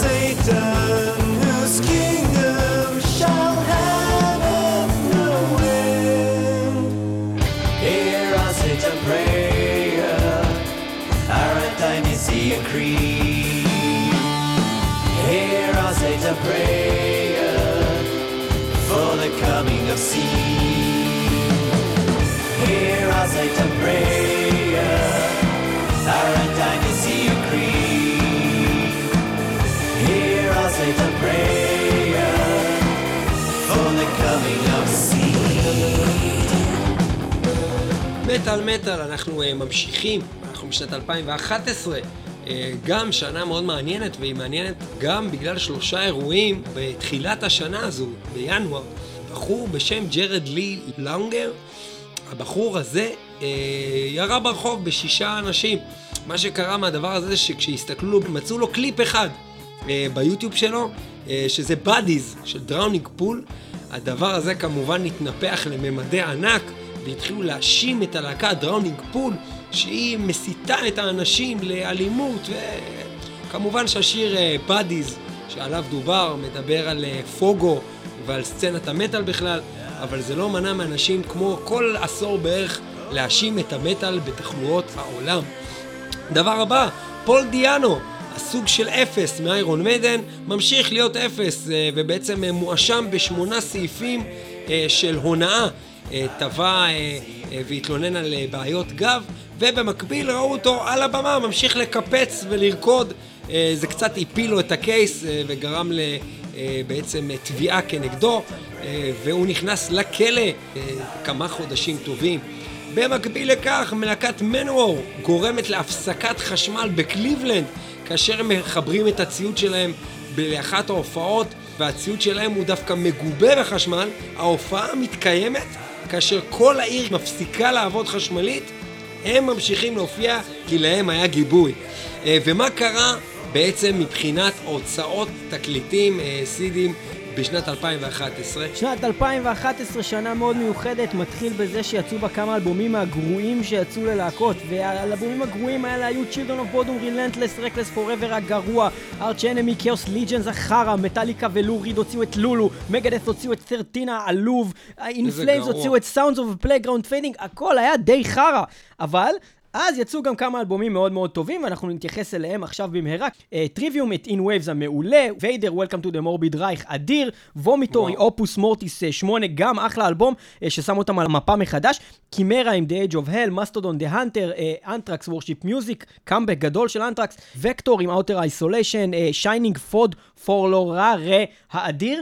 Iced Earth מוציאים Dystopia, אלבום מאוד מיוחד, הראשון שלהם עם הסולן סטו בלוק שהגיע מ Into Eternity. Fleshgod Apocalypse עם Agony המעולה, ששם אותם על המפה ומתחיל סדרה של אלבומים אדירים שממשיכה עד היום. Obscura עם Omnivium, Origin עם Entity, Revocation עם אחד האלבומים הכי טובים של השנה הזאת, והאלבום הכי טוב שלהם בכלל, Chaos of Forms המושלם.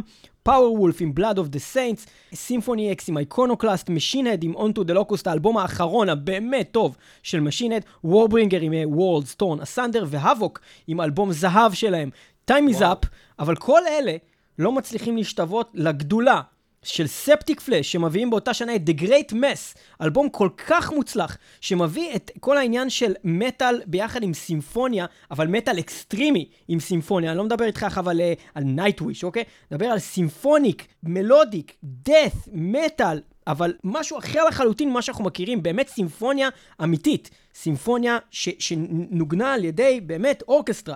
זה מטורף. וזה אלבום אדיר. מה שחשוב פה לציין זה שפה באמת יש קפיצת מדרגה בכלל לז'אנר, ולכן הוא הפוקוס שלנו בשנה הזאת. מה שלא קרה ב Communion, שהוא פשוט היה אלבום מעולה, אבל הוא לא הביא איזשהו חידוש ענק. פה החידוש הוא העניין של ההוספה של האורקסטרה בצורה ובלחנים ובעומק ש, שנעשה, וזה לא נעשה עדיין אה, בצורה כזאת אף פעם לפני Septicflesh The Great Mass, וזה גם באמת אלבום פשוט מושלם. אם אתם לא מכירים את זה, זה הזמן לשמוע את זה עכשיו, אנחנו ניתן לכם uh, לשמוע טעימה קטנה מתוך זה Pyramid God, השיר הכי מוכר מהאלבום הזה, המנון מטאל לכל הדעות, של Septicflesh, זה הולך ככה.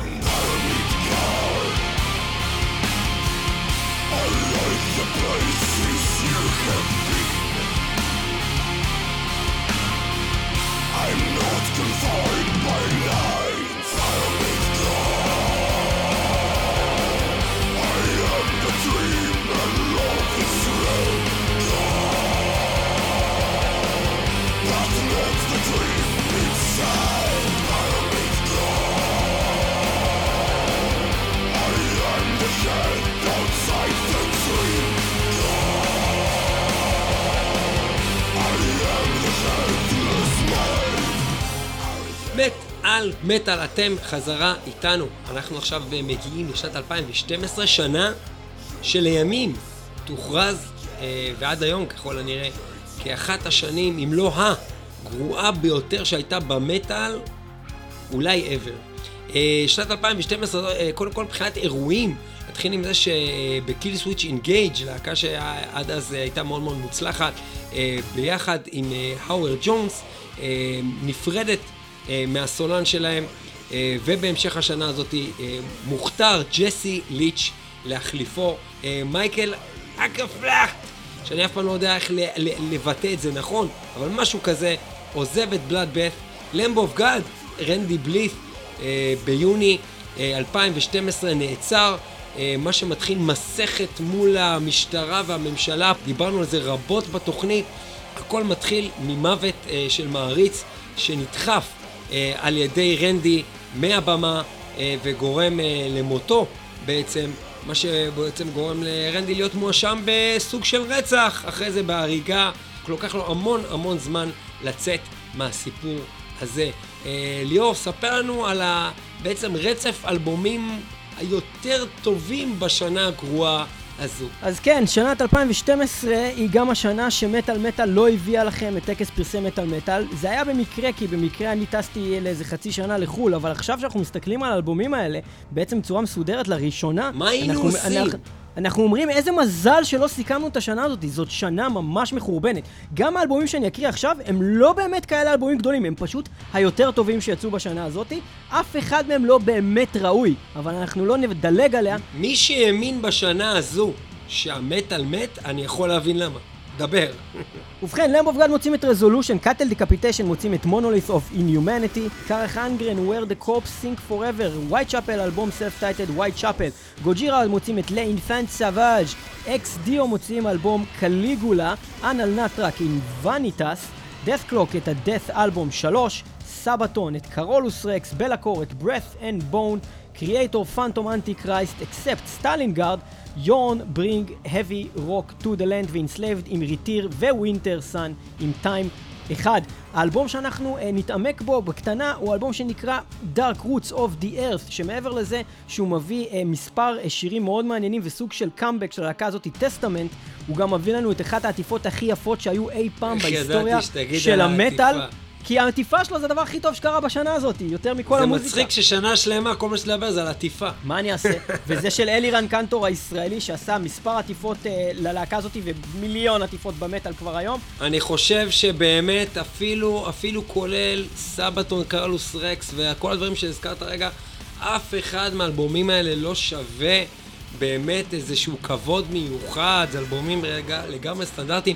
האלבום הזה של Testament באמת מפיח עוד פעם רוח אה, בכל המעריצים של Testament ואלה שתופסים מהלהקה הזאת כלהקה חשובה ב thrash, הם חוזרים לשם אה, עם אלבום איכותי.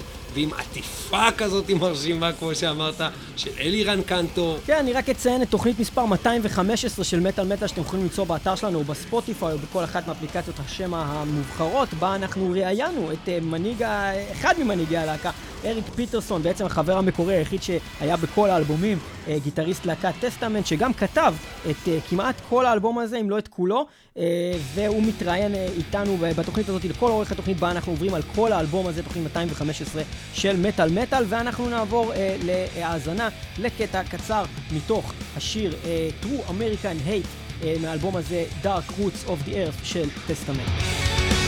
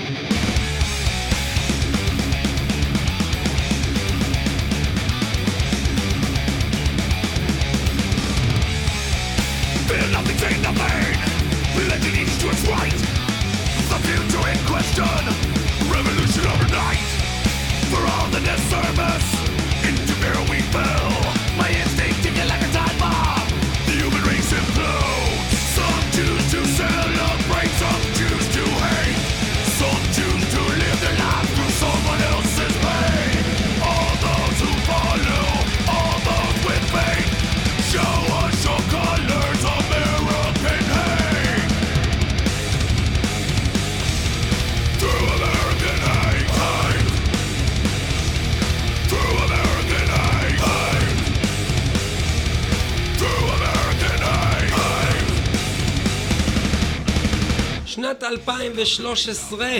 אנחנו מדברים פה על קודם כל דבר מרכזי שקרה בשנה הזאתי.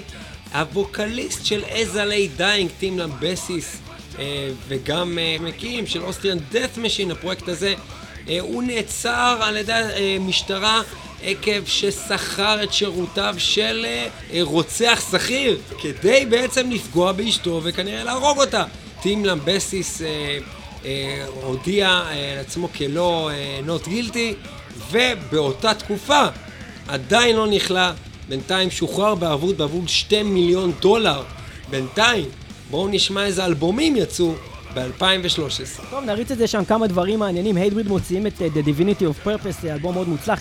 היפוקרסי of Disclosure. ורייד מוציאים את אחד האלבומים הכי טובים שלהם, בעיניי הכי טוב שלהם, Welcome Farewell, אלבום מאוד מאוד מומלץ, אם אתם לא מכירים, תשמעו אותו עכשיו. Powerwolf, Preachers of the Night, Fleshgod Apocalypse, Labyrinth, Avenged Sevenfold, Hail to the King, שמאוד נחשב בעולם, אנחנו לא עפנו עליו, אבל הוא נחמד.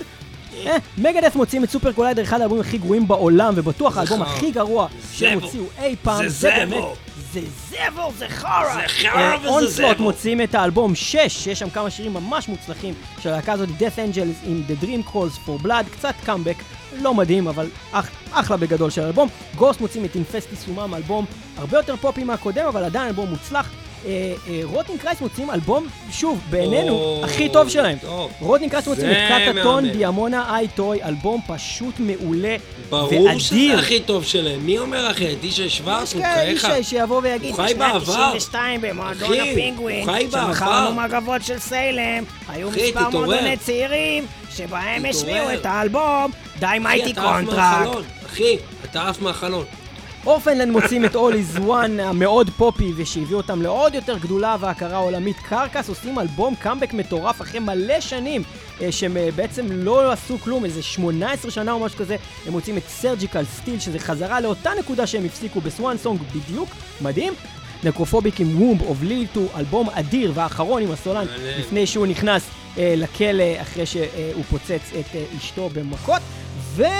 והאלבום שאנחנו אה, נתעכב עליו אה, כמעה הוא אלבום בעצם של הלהקה שהתחילה את הכל ב-1970 עם עוזי אוסבורן, עם האלבום בלק סבת בלק סבת, מוציאים בשנת 2013, אחרי אני חושב 35 שנה או משהו כזה, בלי עוזי, אוקיי? מאז עוזי בפעם האחרונה הם מוציאים אלבום עם עוזי, ולא רק שהם מוציאים איתו אלבום, זה אלבום אדיר ומעולה, שהוא באמת יכול להיכנס בכיף להיות מהגדולים ביותר שלהם, והוא אהוב עלינו מאוד מאוד מאוד, זה אלבום קאמבק שלא נראה כמוהו. קאמבק כזה עוד לא ראינו, וזה מדהים. וזה קורה בשנת 2013, והוא האלבום האחרון של הלהקה שהתחילה את המטאל. אנחנו מדברים על 43 שנה אחרי שהתחילו את המטאל, אנחנו מדברים על 35 שנה אחרי שעוזי עזב את הלהקה, זה טירוף, זה אדיר, ואנחנו uh, נשמע uh, מתוך האלבום הנפלא הזה, בעצם את השיר uh, שנקרא End of the Beginning, וזה בעצם The Beginning of the End של uh, Black Sabbath, וזה הולך כך.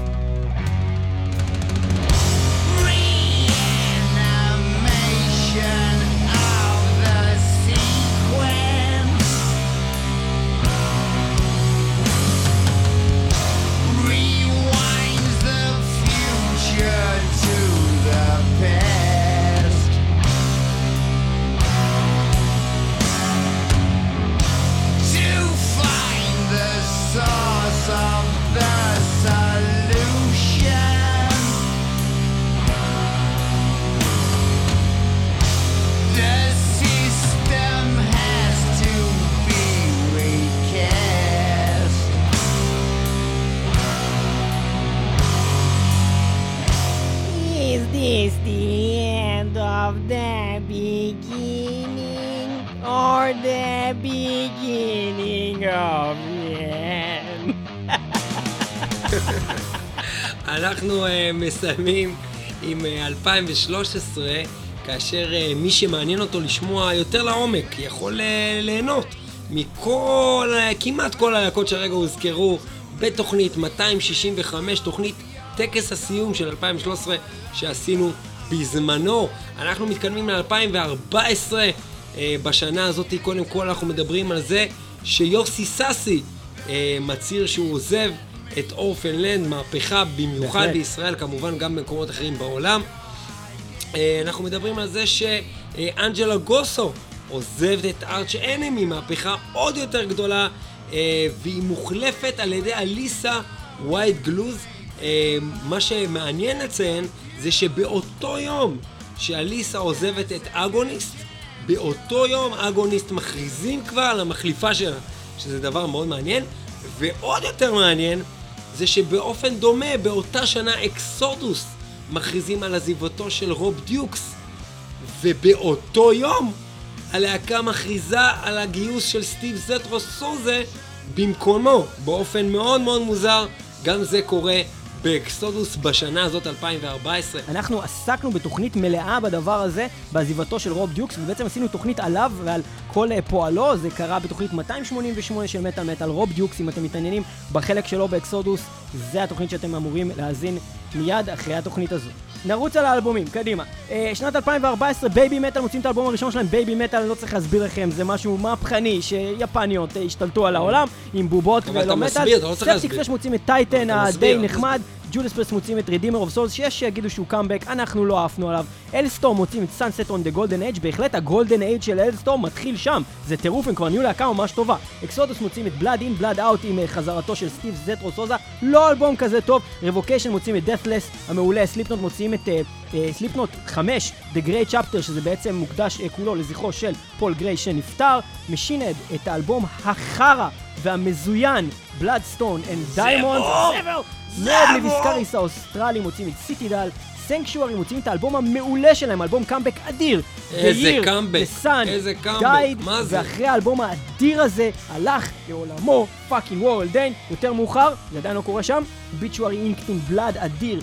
Death Stars, The Perfect Cult, מצוין, Primordial, Where Greater Men Have Fallen, מאוד נחשב, Allegaeon, שחקן יחסית חדש, האלבום הזה אדיר, Elements of the Infinite, מומלץ, מהפכני, הייתי מהפכני, אדיר, מצוין. עתידני. Creation, אה, Earthborn Evolution, עוד להקה של technical death שעושה אה, פלאים בשנה הזאת, גם Fallujah, גם מאותו סגנון, The Flesh Prevails, המון המון technical death מצוין ב-2014, Bloodbath מוציאים את Grand Morbid Funeral, אלבום, אה, אלבום מצוין מבחינת כתיבה, אלבום די מחורבן מבחינת ביצוע ווקאלי, כי הם מביאים את ניק הולמס, סולן Paradise Lost להיות הסולן, והוא הרבה פחות טוב מקודמיו, בלשון המעטה. At the Gates עם אלבום קאמבק אחרי הרבה הרבה שנים, כשהאחרון שלהם היה בעצם Slaughter of the Soul, הם חוזרים ב-2014, fucking 19 שנה אחר כך, עם אה, At War with Reality, אחלה אלבום. אלבום שהוא כמעט אותו דבר. אותו סגנון, כן, אותו סגנון.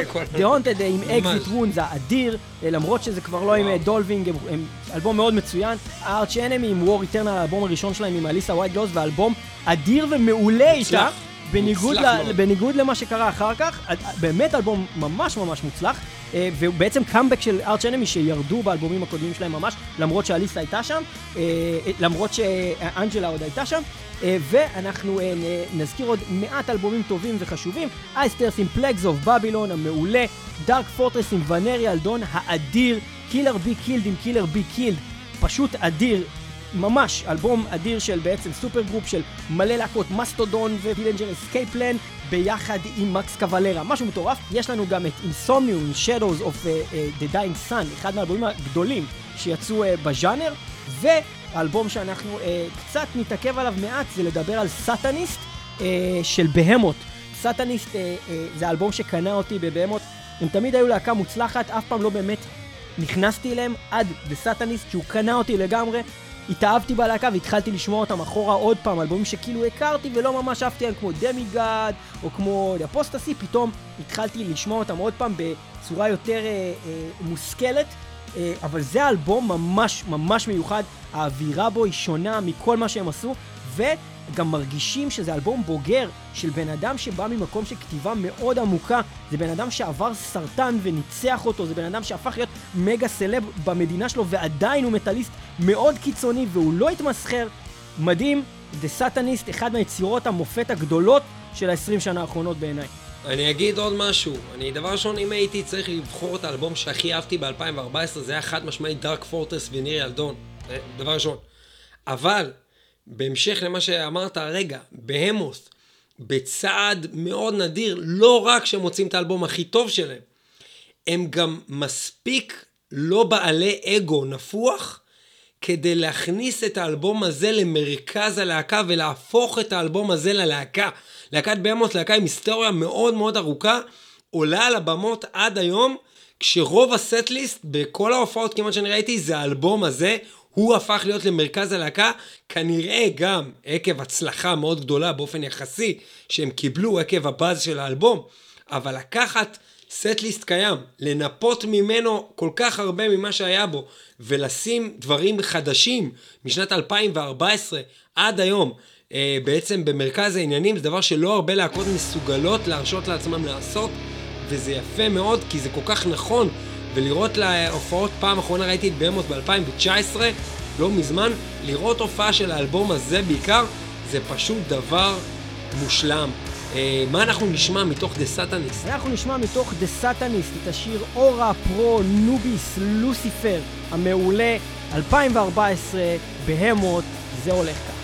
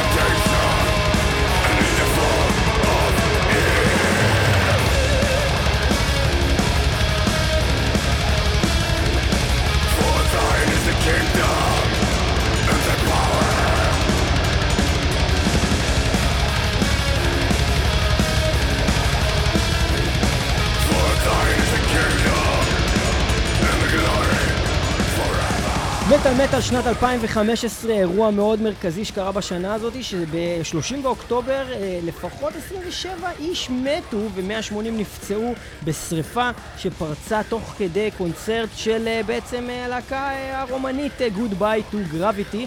אה, כתוצאה מהשריפה הזאת מתו גם המתופף של הלהקה, הבסיסט. ושני גיטריסטים, ובעצם ה sole survivor של הדבר הזה היה סולן הלהקה. Oh My Fucking God. בחדשות יותר אופטימיות, מה קרה בשנת 2015 בגזרת האלבומים? Sylosis Dormant Heart, Melechesh Enki, Moonspell Extinct, Coal Chamber Rivals חוזרים אחרי תקופה מאוד מאוד ארוכה על הבמות, Murder, Holy War, Powerwolf, Blessed and Possessed, Blessed and Possessed, Lamb of God, מוציאים את Sturm und Drang, Amorphis, Under the Red Cloud, אלבום אה, עם כבר כמה להיטים שעד היום הם מנגנים על הבמות. אחד האלבומים אה, האהובים, האהובים עליי שלהם בכל הזמנים. Iron Maiden, אה, דבר שעשה באז מאוד מאוד גדול ב-2015, The Book of Souls. אה, אני לא יודע אם אנחנו מסכימים עד, עד הסוף שזה אלבום כזה חשוב או מהפכני של Iron Maiden, אבל כמובן שכל אלבום של Iron Maiden הוא חשוב מהפכני כי זה לא, Iron חושב, Maiden. אני לא חושב שהוא כזה חשוב, אני פשוט חושב שהוא קצת יותר טוב מהקודמים שבאו לפניו, לדוגמה Final Frontier שהיה פשוט אלבום בעיניי די מיותר. אבל אה, כן, זה פשוט קצת, זה איירון מיידן, אז התייחסנו אליהם, זה לא אלבום חשוב. זה לא כזה חשוב. The Black Dahlia Murder, הביסמל, Hate Crusade Zero, אלבום נהדר של הייט. מגווה, אה, להקה יחסית no name it בהרבה מקומות. Exercises in Futility, חשוב מאוד אה, להגיד שהאלבום הזה היה מאוד מוצלח. Cradle of Filth, Hammer of the Witches, Keep of Kalesin, Epistemology, אה, ואז נגיד על Gloryhammer, שהוציאו את Space 1992, Rise of the Chaos Wizards, אלבום שהוא כאילו להקה שהיא כלום ושום דבר של כמה עשרות מאזינים, אתה אומר, בעולם, מה זה הדבר הזה? ומי שמעמיק ושומע את האלבום הזה כמה פעמים, ומי שבכלל התמזל מזלו וראה אותם בהופעות, כמו ידידנו אה, ליאור פלג, מעיד על אה, בעצם הרכב מאוד מאוד ייחודי. אני חושב שהאלבום הזה ספציפית הוא, הוא פשוט אחד מאלבומי פאוור מטאל הכי טובים בכל הזמנים. הוא בטוח בחמישייה של האלבומים הכי טובים ששמעתי בז'אנר. וזה, וזה אה, מפתיע, אני, מפתיע אני מאוד. חושב, דבר ראשון, שלהצליח לערב הומור ביחד עם מוזיקה איכותית, אה, זה משהו שלא עשו מספיק במטאל. אני חושב שזה דבר מאוד מאוד אה, נחמד ונכון. אה, שיהיה עוד סיבה להאזין לזה ועוד סיבה לבלוט. האלבום הזה מצליח לעשות זה ובענק. אה, Trivium מוצאים את Silence in the Snow, ששוב, להקה שיודעת לערבב פופ ביחד עם, לא יודע, לא יודע אפילו איזה ז'אנר הם בדיוק אה, אה, בכלל נמצאים כבר בשלב הזה. סוג של אבל מטאל core ומשהו, וזה אדיר. אני לא יודע, זה, זה איפשהו בין thrash ל metalcore לפופ, כן. והם מש- מערבבים את כל זה, וגם עד היום הם מצליחים לעשות את זה, גם באלבום האחרון שלהם. כל הכבוד, סיילנסון דיסנור נהדר.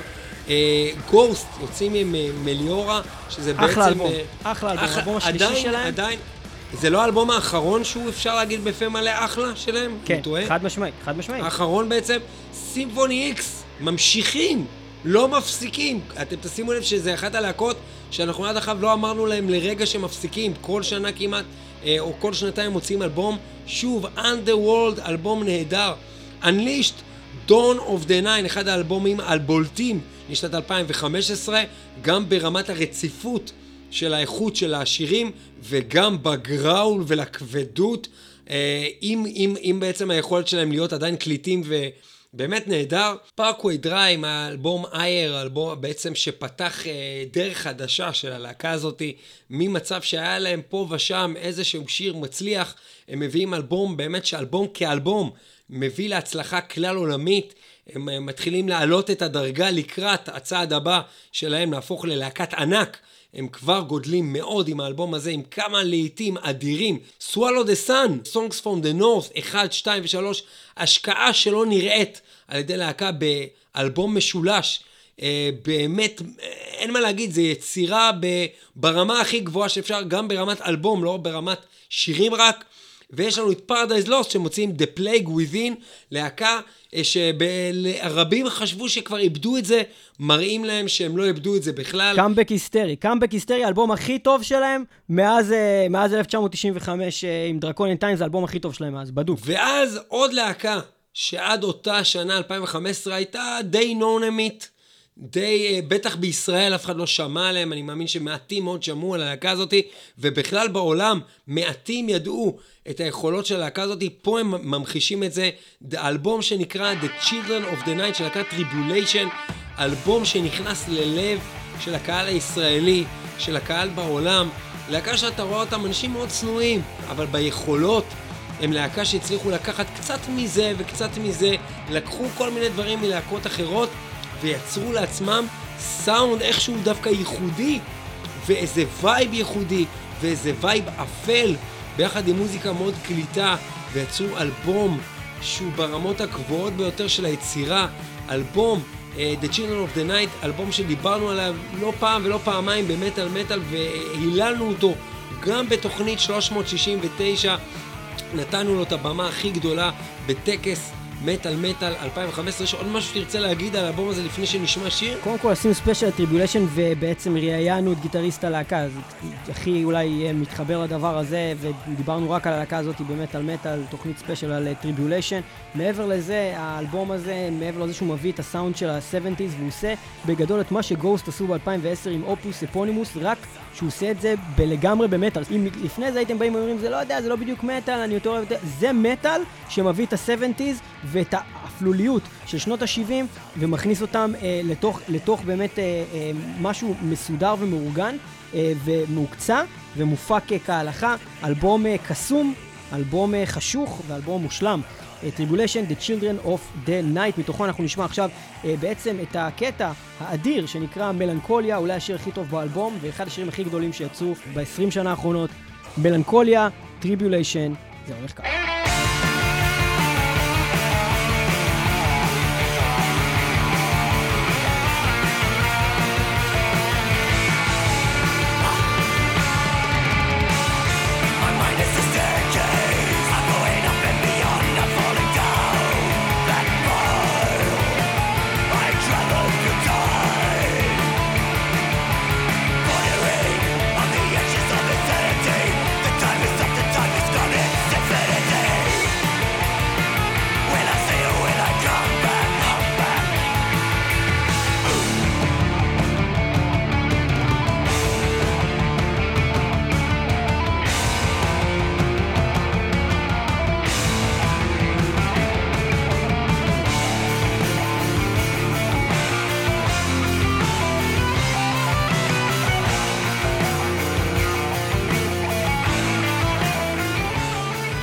2016 מתחילה עם אה, חזרה אה, בעצם אה, של להקה אחת מאוד מאוד חשובה בהיסטוריה של המטאל, N' Roses, אה, מתאחדת ביחד עם סלאש ועם דף בשנה הזאת, אני לא יודע עד כמה זה השפיע מאז עד היום, אבל באותו רגע זה היה באז מטורף. במקביל לזה, בלק סבת מכריזים על מסע, בעצם ההתחלה של הסוף, בעצם עם הפיינל טור שלהם, שבאמת נמשך זמן מה עד אה, לה- להיעלמותם. אה, ועכשיו אנחנו נעבור בעצם אה, לאלבומים שעשו את 2016, שנה מאוד מאוד מיוחדת במטאל. Mystic Prophecy, War Brigade, Sabaton The Last Stand, Abbath מוציא את אלבום הסולו שלו, Abbath, אחרי שהוא עוזב את אה, בעצם Immortal, Fleshgod Apocalypse עם King, Avenged Sevenfold עם The Stage המאוד מאוד אה, מוצלח ומאוד אהוב בעולם, Heaven Shall Burn עם Wanderer, Killswitch Engage עם Incarnate, Textures עם Phenotype, Anthrax עם For All Kings, Testament, Brotherhood of the Snake, Deströyer 666 עם Wildfire, Mistur עם In Memoriam, Sarke, Bogefod, וואדה עם The Void of Light המעולה, Blood Red Throne עם Union of Flesh and Machine מעולה מתחום ה gore, brutal, לא יודע מה זה. Be'lakor עם Vessels, Whispered עם Metsutan, Songs of the Void, הם גם באו לארץ אה, אחרי האלבום הזה. After the Burial, Dig Deep, אלבום אדיר של After the Burial. Whitechapel עם Mark of the Blade, לדעתי underrated של הלהקה הזאת, אחד היציאות החזקות. שלהם. גם אה, השיר הספציפי הזה. כן. ואז מגיעים הגדולים, In Mourning עם Afterglow, אלבום מאוד טוב, מאוד טוב, שמגיע אחרי היציאה המאוד טובה הקודמת שלהם, שהזכרנו Monolith, Megadeth עם אלבום comeback, Dystopia, Witherscape עם אלבום אה, שאנחנו אה, אה, מכתירים אותו לאלבום השנה של אותה שנה, ואנחנו עדיין עומדים מאחורי זה. אלבום אדיר, The Northern Sanctuary, בעצם אה, דן סואנו עומד מאחורי הדבר הזה, עשינו גם עם דן סואנו רעיון אה, במטאל מטאל, יכולים לכתוב דן סואנו ומטאל מטאל ולמצוא את זה בגוגל או באפליקציות השונות, והאלבום שאנחנו נתמקד בו הוא אלבום שמחזיר את מי שלא חשבו שיכולה לחזור, את מי שהספידו, את מי שבתכלס עשו עבודה מחורבנת במשך כל כך הרבה שנים, אם אנחנו מסתכלים על זה מאז לואוד, אז אנחנו סופרים משנת 96-7, אם אנחנו נגיד אומרים סבבה, גם רילוד היה בסדר, והיה גם את, אה, את אה, S&M, אז משנת 2000 אנחנו סופרים, אבל מ-2000 ועד שנת 2016, זה 16 שנה שמטאליקה לא הוציאו שום דבר באמת ראוי. היה בדרך כמה נקודות, רגע, כמה אבל, שירים, אה, כמה אבל. מגדס, מגדס לפי החישוב הזה, מתי הוציאו לפני דיסטופיה אלבום ברמה של דיסטופיה? הוא לא, אה, ברמה של דיסטופיה קשה להגיד, אבל בואו נגיד שהנפילות שלהם להוציא את Super Collider ולהוציא אולי את 13 שהיה רובו סוג של אוסף, הם לא היו גדולות כמו Lulu ו St. Anger, לא היה להם דברים מחורבנים חוץ מ... אבל זה עדיין מ- מדהים שהם מצליחים להוציא את הנפילות הכי גדולות באותו זמן ואת החזרה למוטב באותו זמן. זה, זה, אה, זה, זה לא נכון, ברור איך זה הדבר הזה נכון, קורה. זה נכון, זה גם זה פה נכון, קורה. כי הם, הפסיק, הם הפסיקו להיות טובים באותו זמן בערך, והם חזרו להיות טובים באותו זמן בערך. עם זאת, אני חושב שמטאליקה אה, הוציאו אלבום יותר מוצלח, ושייזכר לדורות הרבה יותר מדיסטופיה של זה Megadeth. לא רק זה, גם נצרף את העובדה שהשיווקיות של האלבום הזה בזמן יציאותו, העבודה שהם עשו ב- ב- ב- בבאז הגדול שהם יצרו באותו הם, זמן הם, עם הרשתות הוציאו, הם הוציאו קליפ לכל שיר. לכל קליפ שיר. לכל שיר, ועשו מזה באז בפייסבוק, והשתמשו בכל הרשתות החברתיות, והשתמשו בכל הכלים שהם בעצם נלחמו בהם בשנות ה-90, שזה האינטרנט בעיקר, הם השתמשו בכלים האלה כדי למנף את האלבום הזה לרמות ציפייה מטורפות, והחזירו את האהבה ואת הציפייה של הקהל למטאליקה חדש, והם באמת גם הביאו לו את מה שהם הבטיחו, אלבום מושקע, אלבום לא של נגינה על פחים וקליפים בבית כלא בלי, בלי מוזיקה טובה ברקע, מוזיקה איכותית. אלבום אדיר, אלבום כפול אדיר. באמת אה, מוזיקה חלקה מזכירה את מטאליקה הישנים, אבל חלקה מזכירה יותר מטאליקה יותר מתקדמים, אה, ובכולה רואים אה, המון המון קריצות לעבר של מטאליקה. אפילו יש כאלה שיקראו לזה גנבות מטאליקה גונבים מעצמם, זה לא משנה. בסופו של דבר ב-2016 מטאליקה מצליחים לעשות קאמבק. יש הרבה אנשים שלא מכירים בלהקה הזאת כלהקה שזקוקה לקאמבק, היא הייתה זקוקה לקאמבק דחוף. והם עשו את זה שם, עשו החלטות מאוד נכונות, ואנחנו נשמע מתוך Hardwired to Self-Destruct איזה שיר? Moth into the Flame, שזה שיר אדיר.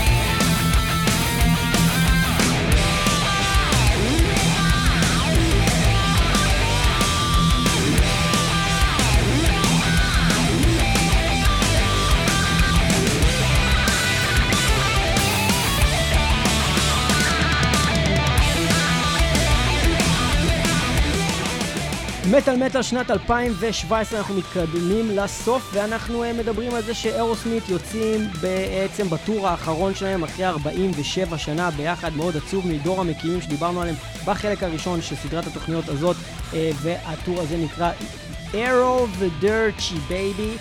וגם בלק סבת רשמית מתפרקים בשנה הזאת, ושם זה נגמר, ואין יותר בלק סבת, ואיזה לדיינג דווקא מתאחדים. זה מה שקורה בגזרת האירועים ובגזרת האלבומים.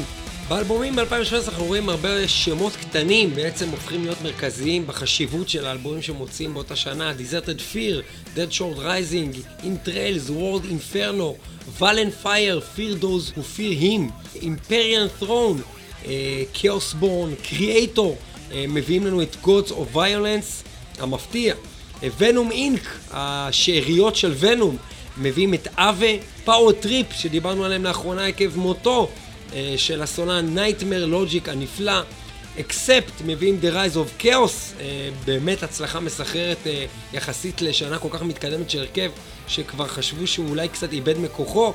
Unleash the Archers, Apex, אלבום משגע, Mastodon Emperor of Sand, אחד מהטובים ביותר של מסטודון. אינסלד מביאים לנו את E, God dethrone the world ablaze, most principium est embers of the dying world. Night Rage עם The Venomous, Die Artist Murder, Dear Desolation שדיברנו עליו בתוכנית הזאתי כאלבום נפלא. זורנהיים, Where Hated Dwells and Darkness Reigns, Moonspell 1755, The Faceless, In Becoming a Ghost הנפלא. סמאל מביאים אלבום שלטעמי לפחות, לא יודע אם תסכים איתי, הוא האלבום הכי טוב של סמאל, Hegemony. Cradle of Filth, Cryptoriana, The Seductiveness of Decay, שלטעמי הוא אלבום קאמבק של הלהקה, זה לא משנה כמה אלבומים הם הוציאו במשך השנים, והזכרנו אותה גם כאן. האלבום הזה אה, הוא אחרי הרבה שנים שלא הצלחתי לאהוב אלבום שלם של Cradle of Filth, מחזיר אותי ללהקה הזאתי אה, מהתחלתו ועד סופו. ספטיק פלאש ממשיכים, קו יפה וטוב, גם עם האלבום קודקס אומגה, ואז מגיעים שני אלבומים שמבחינת ההחלטה איזה מהם לשים את הפוקוס, זה מסיבה מאוד מסוימת שאנחנו עוד מעט נתאר, אבל קודם כל הראשון ביניהם, הבוק, מביאים את קונפורמיסייד שמבחינתי עד היום האלבום, אה, אני חושב שמבחינת שנינו, אה, אלבום הטרש אה, של שנות האלפיים.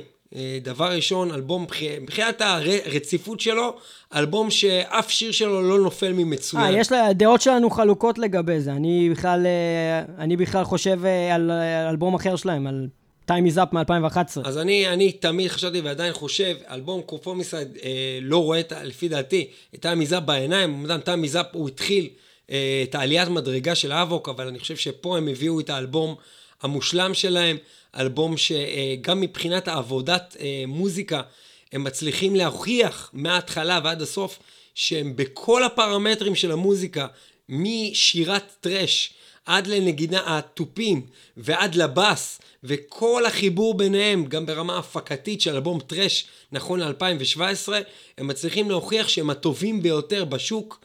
הם עושים את זה מושלם, ומבחינתי, אם לא הדברים שעוד רגע נדבר על האלבום הבא, הם, הם היו אלבום, זה היה האלבום, להיות החשוב ביותר שיצא ב-2017, אבל אני מסכים ואני חבר להחלטה שהאלבום הנבחר שלנו ל-2017 הוא אלבום של ביסט אין בלק, שמביא אותם מסולן שעשה עבודה מאוד יפה ביוטיוב, היה יוטיובר ששר כל מיני קאברים, לקחו אותו, לקחו חברים מלהקת באטל ביסט, עשו לזה מישמש, אה, לקחו סגנון מאוד קרוב לבטל ביסט, שיפרו אותו, לקחו סולן שהוא יותר איכותי מהסולנית של באטל ביסט, יותר יכול לעשות דברים שהיא לא יכולה לעשות, ומביאים להקה שהיא יותר מטאל, אבל משתמשת בסגנון האירוויזיוני עוד יותר קיצוני, ממש עושים שירי אירוויזיון של מטאל ברמה הרבה יותר גבוהה ממה שלורדי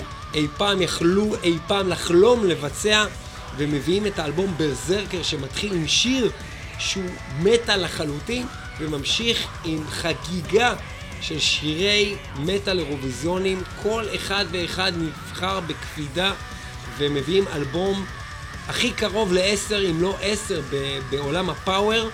אה, לא חושב שאפשר לעשות אלבום פאוור יותר טוב מהאלבום הזה, ולכן הוא אלבום באמת שאחרי הכל אה, נבחר על ידינו לאלבום החשוב ביותר, כי הוא מצליח להראות דבר שהוא שלהקה חדשה ב-2017 יכולה להיות החשובה ביותר והמשמעותית ביותר גם בימינו אנו. אני חושב שמה שקרה פה זה, אמנם דיברנו באמת על אה, לפני כמה שנים, אה, רק ב-2015, על באמת איזה אלבום פאוור פתאום שצץ של גלוריה אמר, אבל בסופו של דבר Gloryhammer עושים משהו מאוד טוב ומאוד מוצלח, אבל זה לא, זה לא תור הזהב, זה לא זה. זה לא באמת הזמרים הגדולים, זה לא ה Manowar, זה לא. זה לא ה Rhapsody, הזמרים האדירים האלה של ה power metal, שזה הכל מתלבש כמו כפפה, זה לא קרה המון המון שנים. ה power metal הלך ודעך ודעך ודעך, ולהקות שעשו power התחילו לעשות מין heavy או מין thrash, ולא לגמרי power, אבל ה power כבסיסו כפאוור הוא דעך, והאלבום הזה מחזיר את הז'אנר הזה למפה כמו שלא היה המון המון שנים. ופשוט אה, הוא אלבום מושלם ומרשים, הוא אלבום מרשים, שאתה שומע אותו, וזו להקה שלא הכרנו, ובמקרה נתקלנו בה, ופתאום אתה שומע את זה, וכל שיר אתה אומר, וואו, וואו, וואו, מה זה? זה, זה אלבום שבאמת עשה שינוי בעיניי של ז'אנר, וזה הפאוור מטאל שחוזר בגדול פתאום, משום מקום עם קאמבק של ביסט אין בלק, עם בזרקר. אה, בואו נשמע אה, באמת אה, את השיר הזה מתוך האלבום הזה, בזרקר, ביסט אין בלק.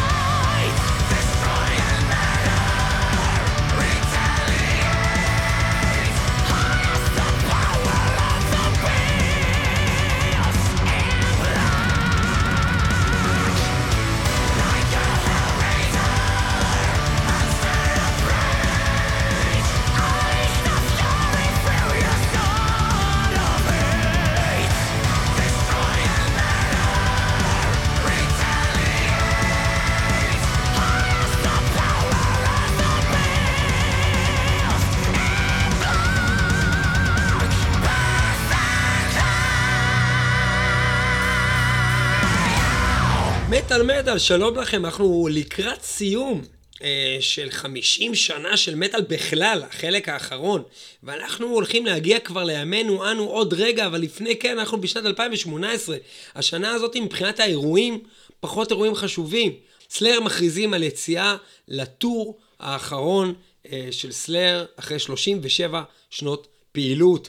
במקביל לכך, אה, בערך חודש אחרי ההכרזה הזאת, גלן טיפטון מג'ודס פריסט מכריז על אה, כך שהוא יש לו את מחלת הפרקינסון, מחלה קשה מאוד, אה, ועקב כך הוא נאלץ להפסיק לטור ביחד עם הלהקה, ובעצם נפרד מהם.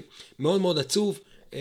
ואנחנו נעבור למוזיקה עצמה, ובמוזיקה עצמה, באופן כללי, הולך להיות בלאגן. ליאור, ספר לנו על הבלאגן. ובכן, אה, המון אלבומים מאוד מאוד מוצלחים, חלקם באמת יהיה קשה, היה קשה לנו אפילו להחליט על מה לשים את הפוקוס, רבים מהם יכלו להיות הפוקוס. הבעיה זה לא רק כמות האלבומים, אלא במיוחד האלבומים הטובים מאוד, שאתה יודע, בכל שנה היה לנו איזה שתיים, שלוש, שהם באמת בקטע שקשה לבחור. זה גם שילוב של זה שיצאו באמת הרבה אלבומים טובים, וגם שילוב של זה שפרץ לחיים שלנו כל מיני דברים כמו ספוטיפיי, ודברים שגורמים לזה שאנחנו מכירים יותר מוזיקה, ושומעים יותר מוזיקה, וככה אנחנו בעצם מגיעים למצב שאנחנו מתעמקים יותר במוזיקה, ומכירים יותר את האלבומים לעומק, וככה אנחנו אוהבים יותר דברים בכל שנה. אני בטוח שאם היה ספוטיפיי גם בשנת 2000 ו... ולא יודע מה, 10, יכול להיות שהיינו אוהבים עוד אלבומים יותר ממה שאנחנו אוהבים היום. בכל אופן, המון המון אלבומים טובים יוצאים, בואו נתחיל לרוץ על זה. Brainstorm, Midnight Ghost, מעולה. Powerwolf, The Sacrament of Sin, אחד הכי טובים שלהם, Satan, Cruel Magic, קאמבק אדיר של הלהקה הזאת, Kalmah, Palo, Amorphis, Queen of Time, אחד הגדולים שלהם, Omnium Gatherum עם פריצה ענקית, עם The Burning Cold, Psycroptic עם As the Kingdom, Drowns, Arsis עם Visitant, Dimmu Borgir עם אלבום שנוי במחלוקת, אבל בעיניי אחד האדירים שלהם, Eonian, Skeletonwitch, כובשים במות וכובשים את העולם עם Devouring Radiant Light, Immortal, עם Northern Chaos Gods, חוזרים בלי אה, בעצם הסולן Abbath, ובעצם מחזירים אנשי עבר לבוא ולהמשיך את הלהקה הזאת בלעדיו, עושים אלבום מאוד מעניין, Unearth עם Extinctions, אה, המוצלח, Ihsahn עם Ámr, Ámr, Nekrogoblikon מוציאים אלבום אדיר ומושלם שנקרא Welcome to Bonkers, ואם אתם לא מכירים את זה, אתם חייבים להכיר את זה, כי זה באמת המטאל של העתיד. זה הזיה וזה אדיר. Anaal Nathrakh אה, בעצם באים משהו מאוד מאוד קליט. אחד הקליטים הראשונים שלהם זה A New Kind of Horror, וממשיכים את הסדרה הזאת של האלבומים הטובים גם בשנה הזאת.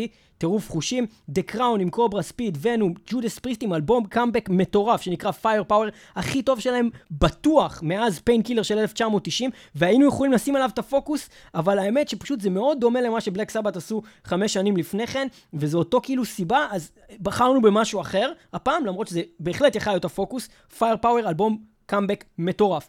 Exmortus עם אחד האלבומים הכי מעניינים של 2018, שמחזיר את ה thrash של פעם עם הסאונד של פעם לאלבום חדש שאתה שומע אותו ב-2018 ואתה לא מאמין שהוא לא הוקלט ב-1992, נגיד. לא יאומן. טירוף. לא יאומן. פשוט טירוף, אלבום ממש ממש מוצלח של אנשים ממש ממש, אה, אה, פשוט אמנים גדולים, על הגיטרה, על התופים, על השירה, כולם שם גדולים.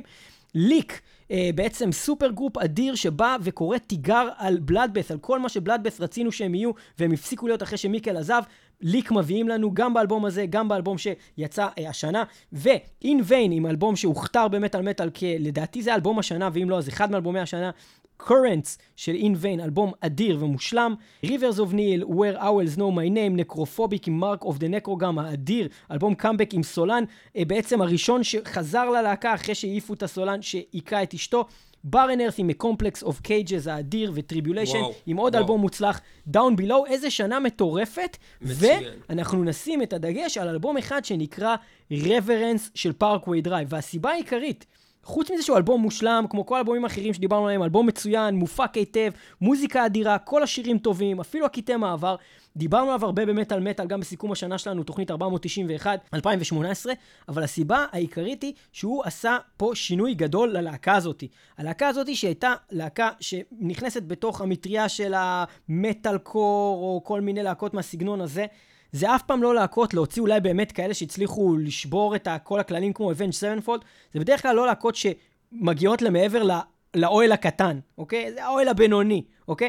אבל הלהקה הזאת, עם האלבום הזה, Reverence, כל כך הצליחה מבחינת כתיבה, פשוט להקסים את הקהל ואת ההמונים, שהם הפכו להיות כל כך גדולים, שהם הפכו להיות headlinerים בפסטיבלים הכי גדולים בעולם, או לפחות, אם לא ה headliner הגדול, אז ה headliner ה- ה- הקצת יותר קטן, לפני ה- ה Judas Priest. זה שעולה לפניהם. יצא לי לראות ב-DVD, לניב יצא לראות באמת ב live הופעה שלהם מהתקופה הזאתי, כשהם גדולים מהחיים, עם להביורים, עם בלגן, עם באמת הופעה גדולה מהחיים. ניב, אם תרצה, תוכל אה, להרחיב על זה בקצרה. אה, זה טירוף, וזו הסיבה שבחרנו ב Parkway Drive. אני אוסיף קודם כל שהבחירה הזאת היא בחירה לא צפויה, אולי על ידי רבים, וזה בדיוק בגלל זה. Parkway Drive הם, כמו שאמרת, חלק מז'אנר שנחשב ז'אנר לילדים. והם לא היו רחוקים מזה, באמת למרות שהם היו טובים במה שהם עשו, הבגרות שהם התבגרו, החל מהאלבום שעוד לפני זה, והשינוי המוחלט באלבום רברנס, זה מאוד מאוד יוצא דופן, שלהקה מצליחה להבין איזה משהו חדש, מצליחה לשנות בכתיבה, במילים. המילים של, של, של השירים הן כל כך טובות, הכתיבה של המוזיקה היא כל כך שונה ממה שהם עשו עד אותה נקודה, שזה מפתיע שהם נשארו על אותו שם של להקה, כי הם עשו משהו אחר לחלוטין מדרך שהייתה להם שנים רבות והיה להם קהל, אני בטוח מאוד שהוא הצטרף למה שקרה פה עכשיו. אבל הלהקה הזאת עשתה משהו שהרבה להקות היו רוצות לעשות, שזה מהפכה חשיבתית. הם שינו לא רק את הלהקה, אלא לטעמי, שינו את החוקים של המשחק בז'אנר שהם התעסקו בו. וכל המטאל קור, או אה, איך שתקראו לזה, לסגנון הזה, אה, אם פעם זה היה ה breaking, וזה היה לעלות לבמה עם כובע הפוך. תראו איך הם עושים את זה היום. הבן אדם עולה עם חליפה, מדליק להביורים ושר שירים שמדברים לאנשים ללב עם מוזיקה הרבה יותר מורכבת, הרבה יותר מתוחכמת, שיושבת על הרבה מהאפיינים מהמטאלקור. זה נהדר, זה פונה לכל הקהל הרחב של המטאל, ומי שלא מכיר את האלבום הזה, Reverence, צריך להכיר אותו, כי הוא באמת לא חשוב רק ל-2018, אלא לכל המטאל אה, מכאן והלאה. אה, ואני מאוד מאוד אה, מתחבר לבחירה הזאת, Parkway Drive Reverence, איזה שיר אנחנו נשים מהאלבום Absolute הזה. Power כמובן. Absolute Power, זה מה שהם קיבלו באלבום הזה, בבקשה.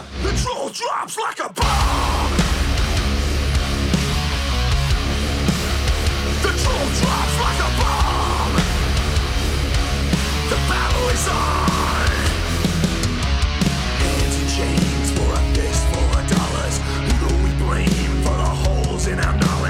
past, you know, has been written by the victor. So I ask you now, who is it writing your future? The butcher, the liar, the thief or the killer? The freedom died quiet in the halls of power. Stall for peace, we'll lead a war until it kills us. Six feet deep with a belly full of bullets. Ah, fear rolls like a reaper through the streets of the lost.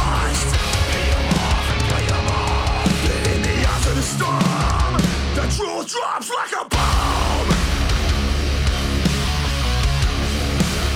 The truth drops like a bomb. The battle is on. מטאל מטאל 50 שנות מטאל, החלק האחרון שמסכם לכם את 20 השנים האחרונות עד 2019 כולל. את 2020 אנחנו נסכם לכם כמובן בתוכנית אה, סיכום אה, בעצם אה, השנה שאנחנו נשדר לכם בסוף השנה הזאת אחרי שנחזור מפגרה. אנחנו יוצאים לפגרה של מספר שבועות ואחריה אנחנו נחזור עם כוחות מחודשים. עד אז אתם יכולים לשמוע את כל תוכניות מטאל מטאל, יותר מ-540 תוכניות באתר וגם בספוטיפיי ובכל האפליקציות האחרות של השמע. אנחנו מגיעים לשנה האחרונה ואנחנו מדברים על 2019. מה קרה בשנה הזאת? ובכן, אחרי 51 שנים ביחד להקת UFO, שהיא גם מדור המקימים שלא יצא לנו בעצם להזכר, והיינו כנראה צריכים להזכר בחלק הראשון, UFO מתפרקים.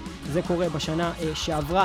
אחרי 46 שנה, כיס יוצאים לעוד farewell tour. האם זה באמת יהיה האחרון שלהם? לא ניתן לדעת כי הם כבר עשו מיליון כאלה, אבל הם קוראים לזה one last kiss. End of the Road World Tour. מעניין אם זה באמת יהיה האחרון. אחרי 45 שנה ביחד, קורוקוס, גם להקה חשובה מהמקימים, אה, גם אה, בעצם יוצאים לטור האחרון שלהם. סלייר מסיימים את הטור שהם הכריזו עליו בשנה שלפני כן ובעצם מתפרקים רשמית. מגדף אה, מוציאים לראשונה את מה שנקרא מגה קרוז, שזה בעצם קרוז של מלא להקות מטאל שמופיעות. למרבה האירוניה, מגדף בעצמם בסוף לא יכלו להשתתף בדבר הזה, אה, בגלל שדייב מסטיין אה, בעצם היה עדיין עם סרטן. מה שהוא כרגע טוענים שהוא החלים ממנו. הפרקשניסט הידוע מהקמת הלהקה של סליפנוט, קריס פן, עוזב את הלהקה אחרי שבעצם יש להם אה, תביעה שמתנה... שהוא ניהל נגדם אה, לגבי אה, זה שהוא טוען שהם לא משלמים לו את הכסף שמגיע לו והוא נאלץ לעזוב את הלהקה ואנחנו מגיעים לשנת 2019, אה, שנה שעסקנו בה כמובן בטקס פרסי מטאל מטאל בתוכנית מספר 508 בהרחבה ו-509, תוכנית כפולה אה, שעוסקת אה, בעצם בשנה הזאת. שימו לב למסע שעברנו בחמישים שנה. ממצב שיצאה הלהקה, שתיים, שלוש, עברנו לעשרות, ואז עברנו לז'אנרים, ועכשיו כשתשמעו, תקלטו את כמות הלהקות, אנחנו בחרנו רק מעטים במעטים, את הטובים שבטובים. כמות הלהקות בכמות הז'אנרים השונה, לאן הגענו, ותבינו לאיפה אנחנו נמצאים בעצם במטאל, אנחנו נמצאים בתקופה נהדרת במטאל. ואנחנו חייב להתחיל לדבר על 2019, שנה, שנה גם מצוינת, אולי דרגה אחת פחות מהשנה הזו שאנחנו נמצאים, שאליה נגיע בתוכנית הבאה שנשדר. אז ככה, 2019, סבתון The Great War, Gate Creeper Deserted, Firespawn Abominate, Ill Disposed Reveal Your Soul for the Dead, Lumeria The Hysterical Hunt, Netherbird Into the Vast Uncharted, Warm Witch, Heaven That Dwells Within, אה, אלבום שקרוב לליבנו, אה, ובאמת עשה איזשהו אה, עליית מדרגה של הבלק מלודי, נכון? היית קורא לזה בלק מלודי, וורמיץ'? בהחלט, בהחלט. Damnation Defaced, עוד שם שלחלקנו היה יחסית חדש, The Devourer. In Morning, Garden of Storms ממשיכים להיות מצוינים. Blood Red Hourglass, God Send, נהדר. סורן לוטוס מגיעים לגביעים אולי הכי גדולים שלהם אי פעם. קנדל מסט עם The Door to Doom ממשיכים להיות המובילים ב doom גם אחרי עשרות שנים בתחום. To Obscurity, Black Frost, אה, מאוד מאוד מיוחד. Black Frost. October Tide, עם Splendor Below, of Osiris, The Simulation, אלבום מאוד מיוחד. Evergrey The Atlantic חוזרים בענק עם אל- אלבום קונספט מרשים מאוד, אה, שיכול להיות אה, דרך כניסה לכל החברים שלכם שהם לא במטאל, אלבום נהדר לכניסה למטאל. Swallow the Sun, שדיברנו עליהם רבות גם בתוכנית הזאתי, ממשיכים בדרך הנהדרת שלהם עם When a Shadow is Forced into the Light, גם אלבום שהוא הרבה יותר קליט מאלבומים קודמים שלהם, ומשלב את כל הסגנון הנהדר שלהם בתוך הקליטות הזאת. Bloodbound Rise of the Dragon Empire, White Chapel, אלבום חשוב מאוד שלהם עם The Valley, לוקחים את הסגנון שלהם, מערבבים אותו עם עוד דברים, מביאים את היצירה שלהם לדרגות חדשות, לקהלים חדשים, והופכים להיות, אני מאמין, לא, לא באמת בדקתי, אבל אני מאמין שהם הפכו להיות לעוד יותר ענקיים מאי פעם. אני חושב שבאלבום הזה, בניגוד ללהקות אחרות שהרבה פעמים הם כאילו באיזשהו מקום אה, מפחדות ללכת לכיוון היותר כבד, פה ווייט צ'אפל מגיעים ממקום כל כך כבד של עשייה כבדה של שנים, שה risk פה היה להפוך להיות פחות כבדים. והם עשו פה את זה בצורה מושלמת. יש פה אפילו בלדה לגמרי, שאין לה שום קשר לסגנון שלהם, והיא עדיין איכשהו זורמת בתוך האלבום. כל האלבום הזה הוא אלבום מושלם ומאוד מיוחד של הלהקה הזאת, שונה מכל מה שהם עשו לפני זה. Fleshgod Apocalypse אה, עם Veleno, אה, יש כאלה שלא יסכימו איתי, אני חושב שזה האלבום הכי טוב שלהם. אה, יש כאלה שיגידו שזה הקודם, ויש כאלה שזה בכלל יגידו אחרים אולי. אני ממש ממש אוהב את האלבום. אה, Death Angel עם Humanicide, Insomnium, Heart Like a Grave, שוב, ממשיכים דרך אה, ובעצם מובילים את כל הז'אנר הזה של ה death המלודי העולמי, עם ההשפעות של המקום שמהם אנו באים, דיברנו על זה רבות, גם בתוכנית על פינלנד, גם אה, באופן כללי, להקה שאנחנו מאוד מאוד אוהבים במטאל מטאל, והם ממשיכים בדרך הזאת ולא מאכזבים. Killswitch Engage הם מפתיעים בגדול עם האלבום איטונמנט, שרבים ציפו שלא יהיה איזה משהו, ובאמת מצליחים ליצור אה, באז מאוד גדול, אה, קהל מאוד גדול שממשיך להיסחף אחרי הלהקה הזאת עקב האלבום הזה. As a Lay Dying, לטעמי, אחד האלבומים הכי טובים שיצאו ב-2019, מוציאים את Shaped by Fire, אחרי תקופה מאוד ארוכה שהם היו ככה עוד מתאוששים מכל מה שהלהקה הזאת עברה. לטעמי אלבום מרשים מאוד בז'אנר שכבר התחיל לשעמם אולי באיזשהו מקום, מצליח, מצליחים להחיות את הז'אנר. בל זה בובס עם פנתיאון of the Night Side Gods, אלבום נהדר ומבריק של ההרכב המשונה הזה. אה, ואנחנו נסיים בעצם את שנת 2019, ובעיקרון נסיים בכלל גם את התוכנית הזו, וגם את, בכלל את 50 שנה של מטאל, כי אנחנו את 2020 כאמור נעסוק בתוכנית הבאה, אחרי שנחזור מהפגרה נסכם את 2020 שעדיין מתנהלת אה, עם קורונה, בלי קורונה. אנחנו נסכם עם אותו אלבום שסיכמנו את ה... בעצם אה, אה, סיכום שנת 2019 במטאל בטקס שעשינו בתוכנית 508, עם אותו, עם אותו להקה. Shadow of Intent, להקה נונמית, שעד היום אני בטוח שלא הרבה אנשים מכירים, לא מספיק. אה, להקה שאני לא יודע אה, בעצמי עד כמה הם עשו לפני האלבום הזה, חייב להודות, לא עקבתי ולא חזרתי עדיין, לא הגעתי לזה עדיין, לחזור אחורה על אה, אם יש משהו מעניין עוד של הלהקה הזאת, אבל באלבום הזה, ב-2019, מלנכולי של of Intent, תשמעו, אנחנו שומעים כל כך הרבה אלבומי מטאל, וגם ליאור הרגע הזכיר, החשיפה עם כל האפליקציות של המוזיקה, ושאתה יכול בלחיצת כפתור לשמוע אלבום, ובלחיצת כפתור לשמוע את כל האלבומים ברצף, ושהוא ימליץ לך, ושייקח לך את האלבומים רק החדשים, ורק את הסינגלים. יש כל כך הרבה אפשרויות להיחשף למוזיקה היום, שקשה להפתיע את המאזין. כשהאוזן פתוחה, ואתה מצליח באמת להקשיב באוזן באמת שהיא אובייקטיבית, אתה מאזין לאלבום הזה של Shadow of Intent, ואתה אומר, הם הצליחו לעשות משהו חדש ב-2019, ולא רק משהו חדש, אלא שוב, כמו שאמרנו על רברנס אה, בשנה שלפני, גם בשנה הזאת עכשיו, 2019, הם מצליחים בעצם שלום ויטנט לקחת ז'אנר שכבר מאוס, שכבר חרוש, שכבר מה אפשר לעשות איתו, ולהראות שאפשר, ולהראות שלהקה יחסית צעירה, ונונמית יכולה לעשות מהפך, מהפך של ממש עם קצת חשיבה מחוץ לקופסה. Shadow of Intent מביאים את הביצוע שלהם לפרפקשן עם אלבום מדהים. באמת מאוד מאוד מיוחד, ושוב, כמו שאמרתי קודם, זה, זה ממש להקות שמביאות את המוזיקה של העתיד. משהו שהוא נורא, הוא, הוא עם דגש על סאונד, מאוד נקי. אתה לא, אין כבר, לא, אי אפשר להסתפק בסטנדרטים של פעם. הסטנדרטים החדשים, חייבים לעמוד בהם. אם לא, אתה, אתה לא יכול לייצר מוזיקה שהיא לא בסטנדרטים האלה, ובאמת, באמת לסחוף את הקהל, באמת להצליח. אנשים שלא גדלו כמונו עם כל, ה, עם כל היכולת הזאת של לבוא ולהגיד, כן, אני אוהב את הלכלוך, כן, אני אוהב את הזה. היום, אם אלבומים יצאו עם הסאונד של פעם, הם, הם פשוט לא יצליחו. ו-Shadow of Intent עושים פה משהו מאוד מאוד טייט, מאוד מאוד חזק.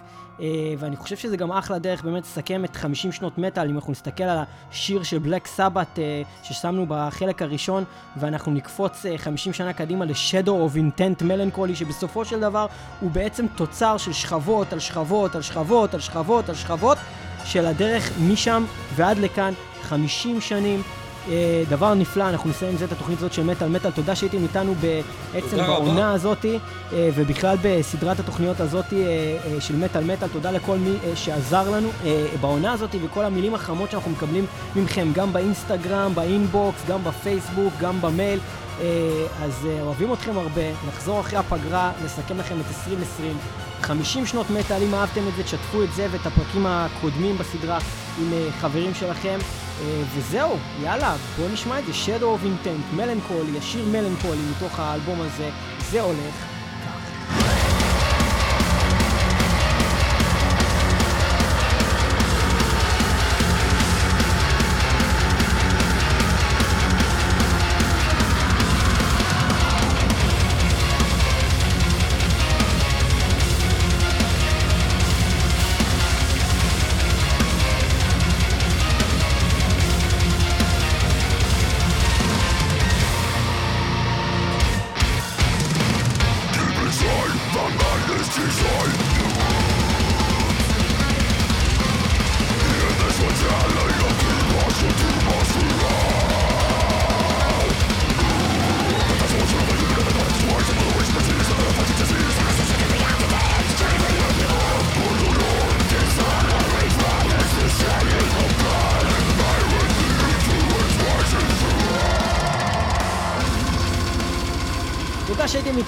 במטאל מטאל 106.2 FM הרדיו הבינתחומי וגם kzradio.net רדיו הקצה אנחנו תמיד משודרים ב-www.metalmetal.co.il אתר הבית שלנו או www.metalmetal.podbean.com השרת המאחסן אנחנו גם משודרים בספוטיפיי אנחנו משודרים גם בדיזר אנחנו משודרים גם בסטיצ'ר ובגוגל פודקאסט וב Castbox ובמלא מקומות אה, זהו, אנחנו היינו מטאל מטאל, יאללה ביי. מי שלא שומע הוא חירש. הוא מת.